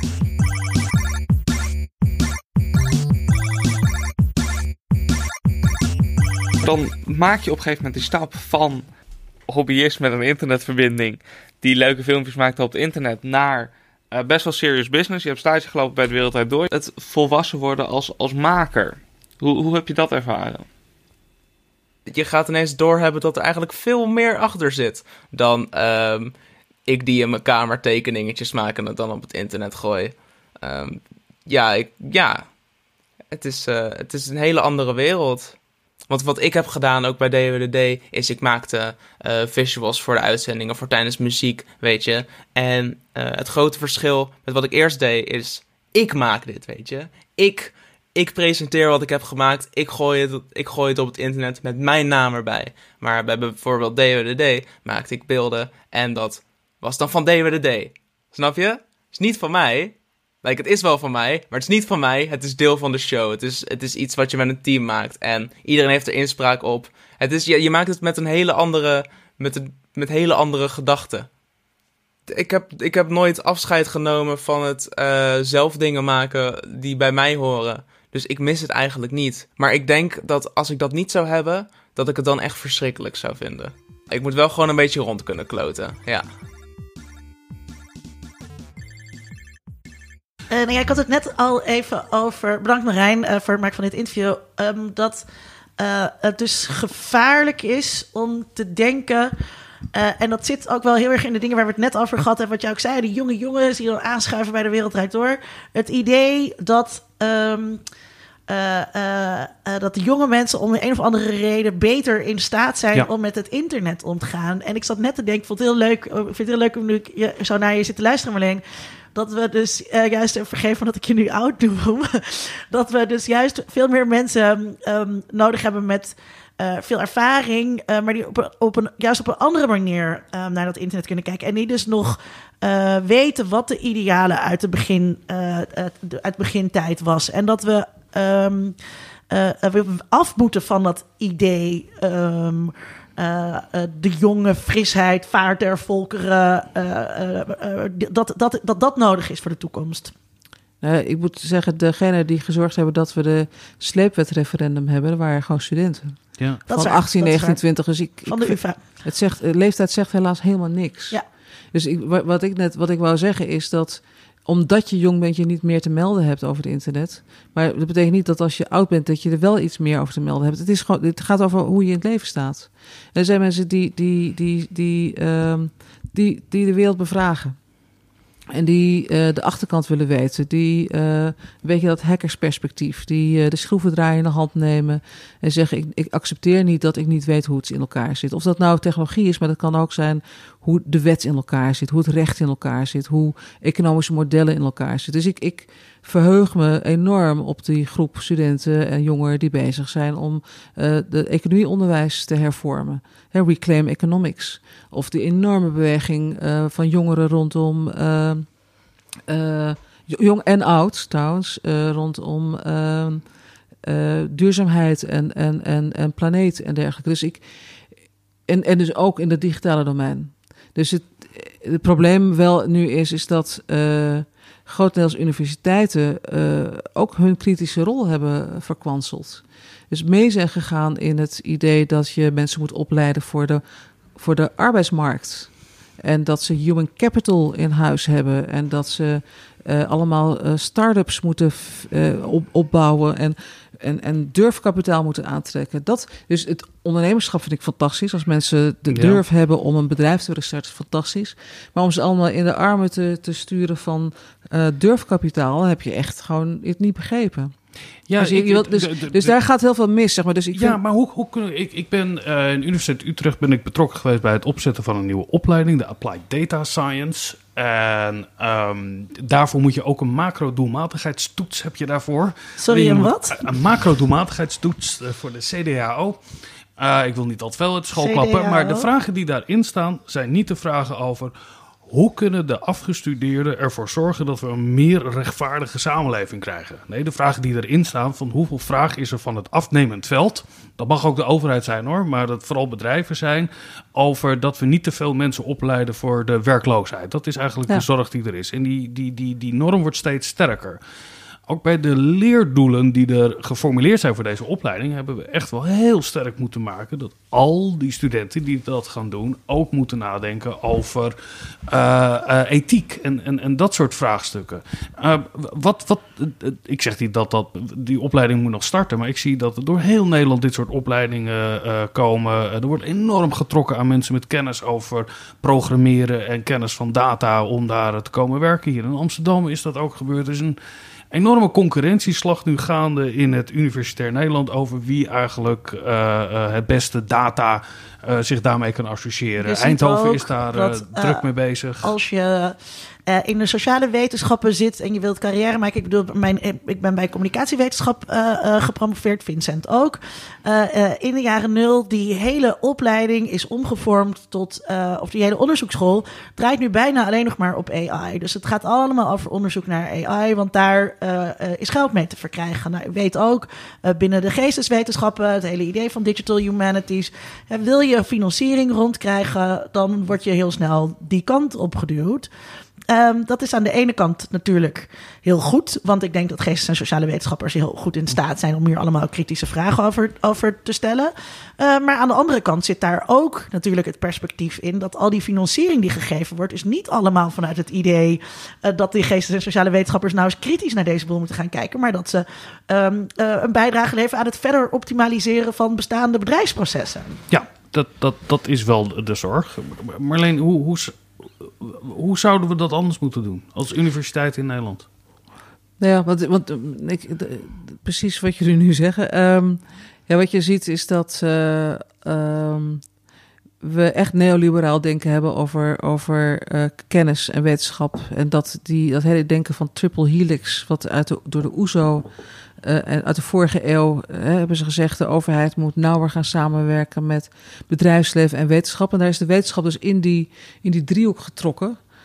Om om te zorgen dat we, dat we het klassiek economisch denken gestuurd worden. Economie kan je ook zeggen, dat is het volledige huishouden. Dus ik ben niet tegen economie. Integendeel, ik vind economie heel interessant. Het, is, het, is, het omvat zo'n beetje alles wat wij doen. maar. Um, die, we zijn nu heel dominant in die bedrijfsmodellen aan het denken. En als je kijkt naar, naar hoe men naar investeren kijkt en die macro-doelmatigheden uh, of macro-output, uh, dan is het, gaat het steeds over hoeveel patenten is er, is er, ontstaan, hoeveel uh, intellectueel eigendom is er ontstaan. Dus het zijn hele, hele smalle definities van wat men denkt dat waardevol is. Terwijl je ook zou kunnen zeggen, nou we gaan uh, heel veel geld investeren in AI. Maar dat is dan wel open source en open code. En we gaan goed beheren zodat iedereen er iets mee kan. Dat is pas echt waardeontwikkeling. Maar dat past niet in de spreadsheets van de economen op dit moment. Dus je ziet dus dat, dat de modellen die we hebben om te hanteren van hoe je, hoe je succes definieert en hoe je waarde definieert, heel klassieke modellen zijn. En de wetenschap, ik zie, zie hoe, hoe universiteiten in dat spel zijn betrokken. Ook als je, als je onderzoek wil gefinancierd willen krijgen, dan moet je ook 50% vaak uit de markt halen. Ja, welke partijen zijn dat dan? Niet degene, niet, niet degene die gedisrupt willen worden op dit moment. Dus je zit, je zit in een heel lastig, uh, lastig uh, proces met, met universiteiten. Maar wat ik, wat ik en, en die financialisering van universiteiten, dat begrip alleen al, is natuurlijk ook al vaker door studenten aan de orde gesteld. En, het, en de geestwetenschappen zitten natuurlijk in een heel lastig pakket. Ik heb, ik, een van de dingen waar, waar, ik een enorm pleidooi voor geef is... laat de geestwetenschappen ook ontwerpend zijn zorg dat je construerend bent. Zorg dat je, en breng dan ook de arts en design in het proces, zodat je mee aan de toekomst kunt ontwerpen. Niet alleen maar een soort metapositie inneemt. En ook niet kritisch in de zin van, dan heb ik commentaar op de wereld. En al helemaal niet als uh, dat je dan nog even een blik uh, ethici opentrekt, die er nog even wat van gaan vinden. Dat vind ik, dat is dat, ethiek zit in het handelen. Dus, ethiek is niet, we gaan iets doen en dan vragen we nog iemand om er een ethisch oordeel over te geven. Nee, ethiek is wie spreekt er mee? Wie definieert mee? Dus als je met een heel eenzijdig gezelschap uh, een miljard gaat besteden aan AI, dan heb je daar dus al gefaald. Dat kan, dat kan je niet meer rechtbreien met, met, een, met een blik ethici daarna.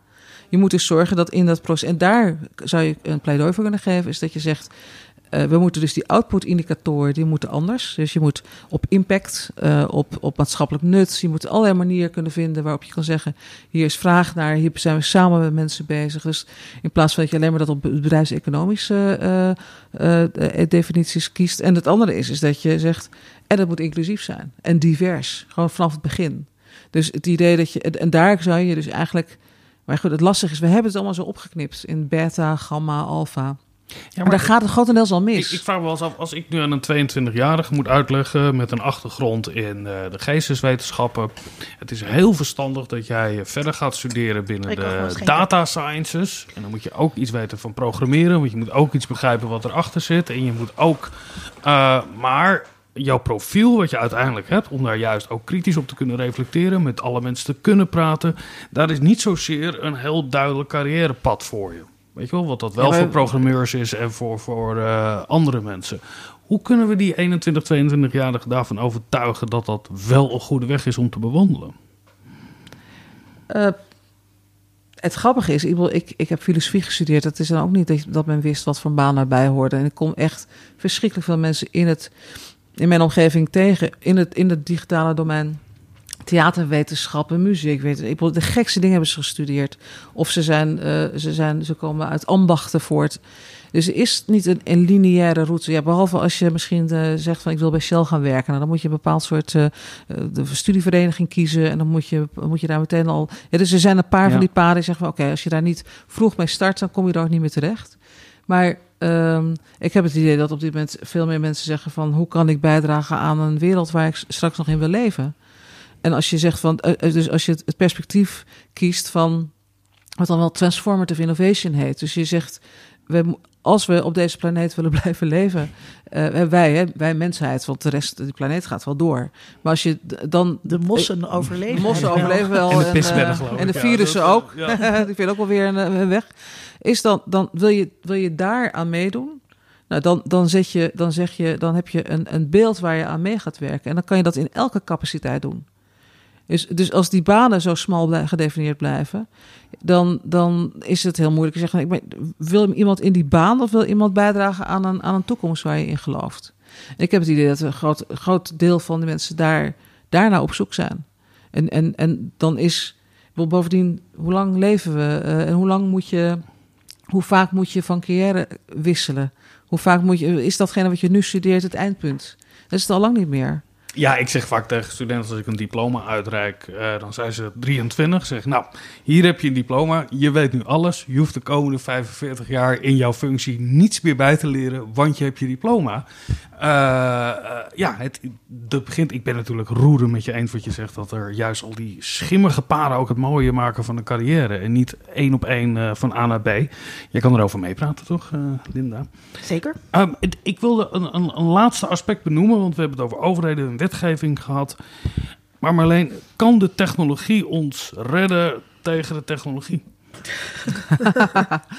zijn ja, er, er zijn tal van, van, van uh, uh, nieuwe ideeën die er zijn. Ik heb gelezen over als technologie nou is, als technologie nou self-aware wordt, maar dan niet self-aware zoals in Terminator en de mensheid wil uitschakelen, maar een soort hypermenselijk solidair wordt en dan onszelf tegen de uh, tegen het kapitalisme in bescherming Nee, maar neemt. bij het inlezen over uh, waar we het vanavond over hebben, is dat je heel veel oplossingen ziet. En dat gaat dan over blockchains of over hoe we privacy kunnen beter kunnen beschermen. Of het decentraal opslaan van informatie. Of, of er worden allemaal ja, technologische innovaties zijn er om ons tegen die andere kant van de technologie te beschermen. Is dat een, is dat een vruchtbare weg? Nou, ik denk, kijk, als je het hebt, uh, ik, ben niet zo'n blockchain-fanaat of ledger-fanaat. Um, al denk ik zeker dat het voor bepaald soort uh, vraagstukken een oplossing kan zijn. Maar het is niet zoals, uh, dat is, wat, wat ik het allergrappigste is, die hele beweging for good. Dus AI for good en blockchain for good en weet ik van allemaal. Dan betekent dus inderdaad dat, dat, dat, dat, dat als je dus niet zegt for good, dan is het dus kennelijk voor bad. dus het is wel heel grappig. For evil. For evil, ja. ja, ja Had Google dat niet ooit als, als, als slogan? Uh, doe nou dus dat je heel expliciet moet zeggen dat je, dat je er iets goeds mee wil doen. En, dat, en dan wordt iedereen daar weer heel blij van. Um, nou, kijk, de, belangrijkste. Uh, we hebben net een. Um, voor die, voor die uh, tuincommissie Digitale Toekomst. een routekaart gemaakt voor digitale toekomst. En daar zit een, het, werk van een aantal jaar al in, waaronder het werk rondom de public stack. En dat is een, dat is een, een proces waar, heel veel mensen uit heel Europa, hele wereld eigenlijk aan, aan bijdragen. Van wat moet je nou, als je de publieke waarde in de technologie wil hebben, dat is een stapeling van, is een stack, een stapeling, want die applicatie is maar het topje van de ijsberg. En daaronder zit nog alle protocollen en de hardware. En dus je kan, je moet altijd zorgen dat echt dat allemaal in samenhang gezien wordt. Dus we hebben die metafoor van de ijsberg al gebruikt. En hebben helemaal uitgelegd van wat zit er dan allemaal onder. En er zit het fundament moet je op orde brengen. Dus je moet zorgen dat je de juiste uitgangspunten kiest, waar we het net ook over hadden. Eh, wie spreekt er mee? Wie bepaalt? Uh, zijn meteen al mensenrechten inbrengen en andere grondrechten inbrengen. Toezicht meteen inbrengen, niet pas later, maar meteen in het proces brengen. En dan dat ontwerpproces goed inrichten, zodat mensen uit heel veel verschillende achtergronden erbij betrokken zijn. En dat ze dus ook de capaciteit hebben om dat te kunnen doen. Dus dat ze, dat ze ook voldoende equipped zijn. Ik heb nog eens een Engels woord, technology savvy. Wij doen dat heel veel met maker, maakonderwijs. Dan kan je al vanaf vier jaar kan je, kan je dat soort hè, manier van kijken kan je al aanleren. En, en, je moet nog een heleboel generaties nog door de wasstraat halen om te zorgen dat ze een beetje bij, bijgespijkerd zijn. En dan kan je ervoor zorgen dat je die, die op die verschillende niveaus technologie zorgt dat die publieke waarden daarin verankerd zijn. Dus ik denk dat het is, maar het is wel een lang traject. Dus het is niet. Ik, ik heb, ik heb, we hebben het 25 jaar op zich beloop gelaten. En het moet, daar, daar, daar zit echt tijd en moeite in om dat voor elkaar te krijgen. Maar de kern denken daar steeds van is transparantie en open. Op het moment dat je die technologie gesloten maakt, zitten er. En, en, en, en, dus je moet, je moet het echt nadenken als publieke infrastructuur. Waaromheen bedrijvigheid ontstaat. Dus het is niet, het is niet heel belangrijk eh, dat, dat, dat, dat als ik het heb over publieke waarden of de commons. Uh, als gezamenlijke bronnen. Dat betekent niet dat er geen economische bedrijvigheid omheen ontstaan. Nee, je, je maar het is, het is een heilstaat. Maar, nee, maar het is nee, niet, en zeker ook niet dat de overheid dat allemaal moet doen. Uh, maar het gaat om een heel nieuw arrangement. En, en daar is die samenleving ook aan zet. Dus die moet, die moet net zo meedoen. Dus als het gaat over uh, nou, zo'n AI-coalitie, waar ik dan, de Nederlandse AI-coalitie coalitie waar ik bij bijgevraagd, dat is dus 20 posities. En er waren dus vier allemaal wetenschappers, gelukkig zelfs ook van, zelfs van de geestwetenschappen. En er was de VNO-NCW en er was de start-up en er, was, er waren iets van vier werkgevers, clubs die zaten erbij. En dan helemaal, helemaal onderin stond er dan eh, allemaal overheidsdingen en er stond er dan een vertegenwoordiger van de consumenten. Ach. Als ze mij voor gevraagd, ik zeg, ja, ik ben geen, ben, dat ben ik helemaal niet. uh, dus ik, ik, ben mee, ik heb gezegd, ik kan wel meedoen, maar dan onder de voorwaarde dat uh, de, de FNV uh, aan bod en dat, de, dus dat die maatschappelijke actoren aan ja. tafel komen te zitten. Gewoon rechtstreeks aan tafel. En dat, dat, is, dat is waar het nu over gaat. En heb jij het idee gaan, die, komen die voldoende aan tafel? Is het, als, we dat, als dat lukt in de komende tijd, dan heb je weer een, een uitgangspunt waarin je kan zeggen: die belangen en die machtsvraagstukken worden weer uitgebalanceerd. En als we dat niet doen, dan zijn we dus aan het optimaliseren voor een heel eenzijdig idee wat onze toekomst is. Maar heb jij het idee dat er een consensus is over wat die waarden zijn van waaruit we moeten vertrekken? Ja, ik denk, denk als je kijkt naar, als je kijkt naar, uh, naar die, die Cities for Digital Rights, die digitale rechten, nou echt, het is, het is, het is ook niet zo, het is niet zo ver zoeken hoor. Ik bedoel, die, die digitale rechten zijn al in, in de jaren tachtig van de vorige eeuw opgeschreven. Nou, ze zijn eh, permanent voor dus bijgesteld. Dus, dus, dus er ligt daar een, een, een enorm veel materiaal wat je gewoon kan gebruiken. Er is, als je kijkt naar uh, de, de frameworks voor AI, de ethische frameworks voor AI, nou, daar zijn er honderden van. Dus, je hoeft niet heel ver te zoeken. Je kan zeggen, je kan nog eens een keer een analyse maken van welke is nou het beste of welke past nou het best. Ja, maar het is niet dat we moeten starten met het nadenken. Nee, we hebben, we, hebben, we, hebben, we hebben een grondwet, we hebben mensenrechten. Uh, die, kan je, die kan je vertalen naar, naar het digitale domein. Je hoeft niet een heel nieuw, je hoeft, je hoeft niet helemaal opnieuw te beginnen. En dat is, dat is dus ook zo gek, dat, dat we hebben gedaan alsof cyberspace een hele nieuwe wereld is met eigen wetten die zich zou onttrekken aan, aan, aan, aan gewoon, gewoon, gewoon grondrechten. Want dat moesten we, dat was, dat was het hele idioom. We hadden het net over, nog over dat narratief. Dat moest je vrijlaten, want dit waren de grote disruptors. En we hebben daar natuurlijk een lol aan gehad. Hè? De taxicentrale Amsterdam, wat een ellendelingen. Oh, Uber ging ze lekker disrupten. Maar vervolgens is Uber natuurlijk machtiger geworden dan ooit de TCA hier in Amsterdam. Dus, dus de, de, de, de, maar ondertussen houdt Uber zich niet aan onze regels. En die regels hadden we al. We hebben, we hebben En- toezichthouders en die hun Uber werk ook. niet hebben gedaan. En Uber doet ook niet wat het beloofd had. Hè? Dus, dus het, het, de TCA, onbetrouwbare taxichauffeurs, je kon nooit klagen, want je wist niet meer bij wie in de taxi had gezeten. En als vrouw alleen voelde je je super onveilig. Dat is bij Uber eh, ook zo, behalve dan dat je wel weet bij wie je in de taxi hebt gezeten. Maar Uber doet er gewoon niks mee. Dit is de reden, beste luisteraar, waarom ik niet meer met Uber Dit is, ga. dit is een hele particuliere omdat ik, nou ja, maar ik ben, wel, ik ben bijna aangerand in een Uber. En Uber doet er gewoon niks mee. Maar deed TCA dat wel dan? Nee, maar dus, hè, dus, dus wat Marleen zei, we waren blij dat Uber kwam, want, want het beloofde een probleem op te lossen, wat ze dus niet hebben gedaan. We dachten, dit is, dit, we hebben dit, we hebben, er zit hier een probleem, ze lossen het op. En dat doen ze niet. Alleen, ik was bij jou eh, in Tivoli bij de, de Het is lezing. niet heel particulier. Met- het is wel onderdeel van dit hele, het is wel onderdeel van dit hele verhaal, want we laten ons dus elke keer wijsmaken dat zij een probleem voor ons oplossen. En daarom, that- that's why we buy into it. Weet je, dat is... En, en dus het is wel belangrijk om te benoemen dat ze dat dus niet doen. Nee. Nee, en wat ik heel gênant vond, is ook dat er mensen waren doodgereden door oververmoeide chauffeurs. En dat je dan een hele campagne in de stad gaat hebben over hoe ontzettend jij veiligheid wel niet vindt voor je chauffeurs. Hoe hypocriet kan je zijn? Nog even los van het feit eh, dat je het geld moet hebben om al die abris vol te hangen om uit te leggen dat je voortaan geen mensen meer gaat doodrijden. Ja, ondertussen geen belasting betalen, vind ik ook wel interessant.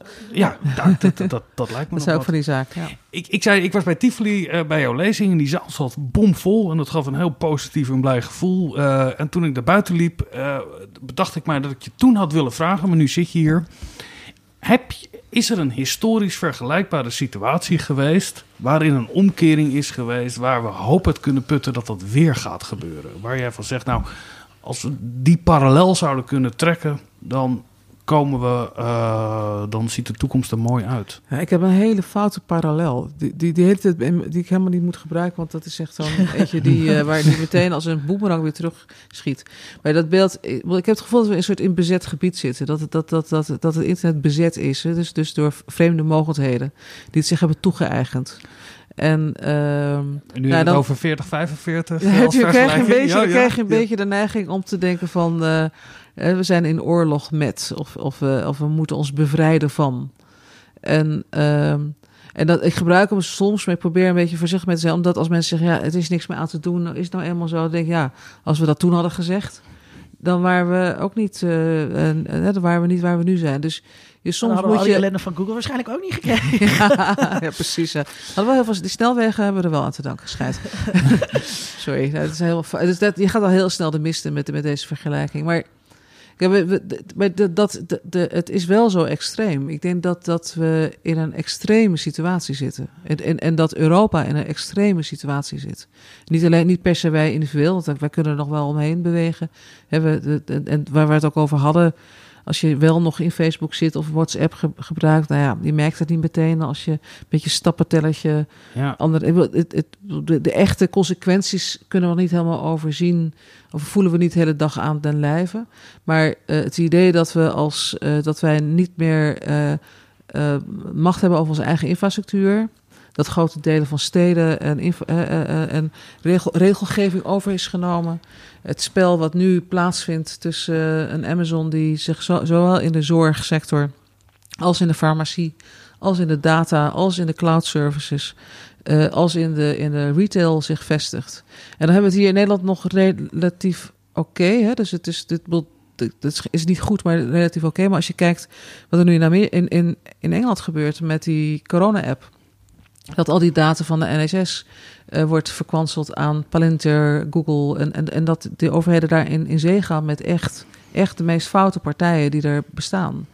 En dat ze, hun hele, eh, dat ze alle DNA-data van hun inwoners, eh, subjects to the queen, eh, eh, aan het verkanselen zijn om, om een, daarmee een, eh, eh, een ehm, eh, handelsovereenkomst met Amerika te kunnen sluiten. Dat, dat, dat is er gaande. Dat, is, dat gaat heel erg ver. Ja, want dus dus het is niet alleen maar meer onze data-aandacht en onze, hè, onze browseractiviteiten. En of we wel, het gaat gewoon over ook onze, ons, ons lijf, onze, onze, onze DNA, onze, onze micro-organismen, onze, onze levens gaat daar, gaan daar afhankelijk worden van partijen waar geen toezicht op eh, eh, meer mogelijk is. Ik zat even na te denken over de vergelijking die je maakt. Ehm, de eerste stap zal moeten zijn dat we bewust worden dat we bezet zijn. En vervolgens naar een helder vijandbeeld komen. Dat was natuurlijk in 4045 wel iets sterker uh, aanwezig. Um, maar alleen zo'n beetje aan het einde van een aflevering uh, stellen wij altijd een vraag. Maar ik bedacht mij, de vraag die we hadden, hoe redden we het internet? Daar heb je gewoon een heel boek over geschreven. dus het zou een beetje onzinnig zijn om die vraag uh, aan jou te stellen. Maar ik ga je toch straks vragen om dat te doen. Maar ik wil eerst, Linda, wat, wat, wat neem je van dit gesprek mee hoe we het kunnen redden? Wat, wat kunnen we doen om te repareren? Nou, je kunt dus inderdaad geld geven aan Bits of Freedom of vrijwilliger worden voor Bits of Freedom. Um, wat, ik, wat ik denk, dus wat heel belangrijk is, wat ik aan het begin zei, en dat, en dat, en dat uh, is nu wel uh, gesterkt.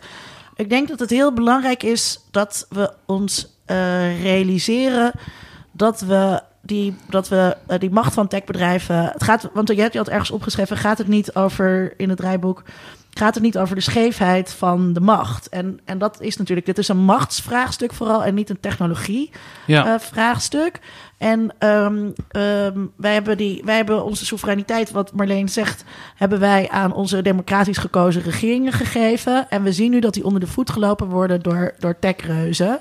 En, uh, maar dat, dat moeten we dus terugwinnen. Maar dat kan alleen maar Um, en dat, dat aspect heb ik verder nog niet eerder zo over nagedacht, dus dat moet ik ook nog wat meer doen. Dat kan alleen maar als wij niet een overheid hebben die zich eigenlijk al aan de kant van het bedrijf schaart. Hè? Dus die hele neoliberale impuls of die impuls richting privatisering... en ook waar we het over hadden over het onderwijs. Hè? Wat, welke, welke wens heeft de overheid bij het onderwijs? Dat is een andere wens die wij voor het onderwijs hebben. Um, uh, en, en dat maakt ja, het waar ook... je gedwongen wordt om je daar weer altijd naar te voegen. Dat, uh, dat, maakt, ja. het dus, dat maakt het dus lastig. Dus um, uh, ja, what we need is an awakening in the force. om weer Star Wars termen te blijven. En dat is... ja, wat Marleen zegt. Je hebt, je hebt heel veel jonge mensen die, die met dat soort dingen bezig zijn. dus je hoopt dat dat aanzwelt. en dat mensen zich realiseren dat ze niet op de VVD uh, uh, moeten stemmen. En dat, en dat, maar, en dus, ja, dus die samenhang tussen uh, dat neoliberalisme en die techpartijen en de onwillen, momenteel hè, de onbereidheid van. Want we hebben, we hebben niet alleen. Um, je kunt je afvragen, zijn, hebben, zijn onze overheden in staat nu om in te grijpen? Dat gaat ook over technologische kennis, die er te weinig is. Maar het gaat ook over, zijn ze, zijn ze daartoe bereid? Um, vanuit een ideologisch perspectief. Uh, dus uh, je, vraag was: hoe redden wij het internet? Door linkser te worden. Wat mij vooral opvalt in jouw verhaal is dat. Uh, het, het, het, de oplossingen zitten niet in een nieuw en fancy en innovatief en groots en anders. Uh, uh, dat we het anders moeten doen. We moeten vooral kijken naar de waarden die we hebben. We moeten praten ook met de vakbonden. We moeten praten met burgers. We moeten bestaande waarden en wetten en, en fundamentele rechten.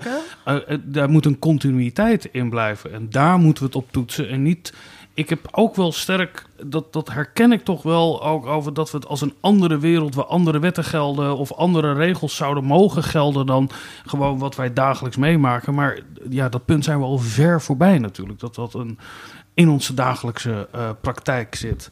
Maar mag ik jou het laatste woord geven over hoe redden we het internet? Nou, ik, ik, ik zou willen dat het niet per se een, een politiek spel is tussen rechts of links. Want dat zou jammer zijn. Want dan uh, krijgen we niet voldoende uh, draagvlak ervoor. Dus ik vind het ook een heel liberaal standpunt om te zeggen dat je vrijheid nastreeft. Maar dat, je, dat, dat in, in een Europese context of een Nederlandse context is vrijheid wel eentje waar je, die gebaseerd is op solidariteit.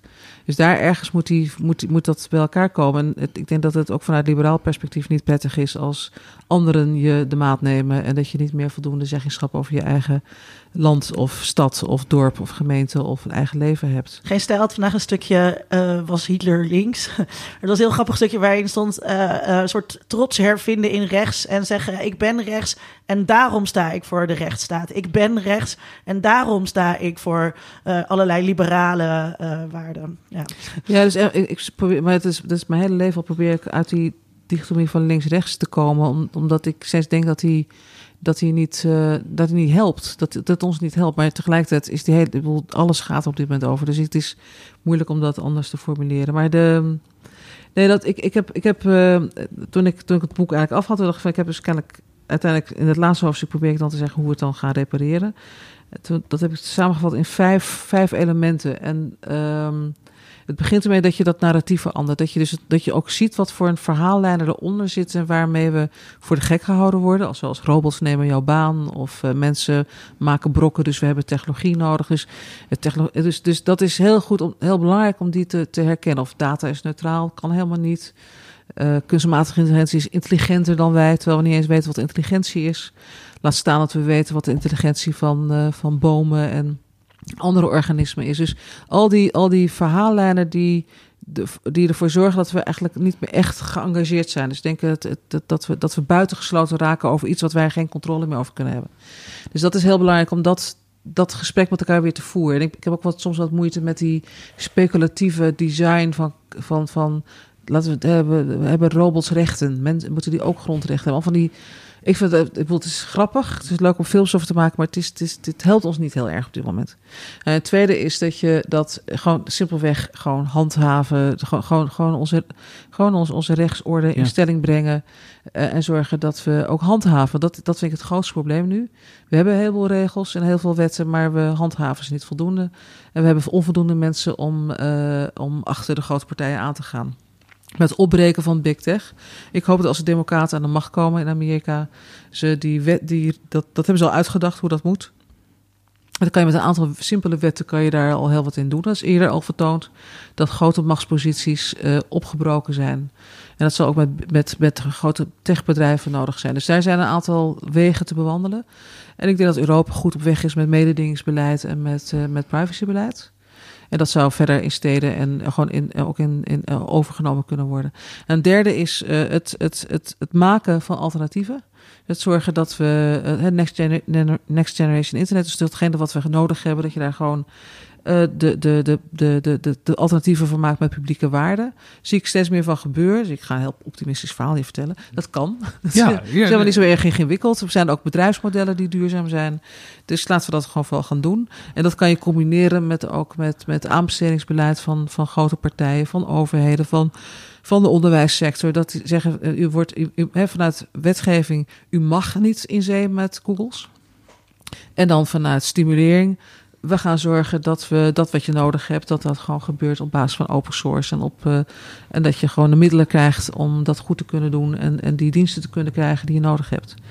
En een, um, waar ben ik nou? Bij vier is het, uh, is het uh, ja, onze kennis uh, vergroten. Dus onze, onze, onze on, en dat is toch echt wel die, die, die, die, die is waar, wat je, waar je jong mee kan beginnen.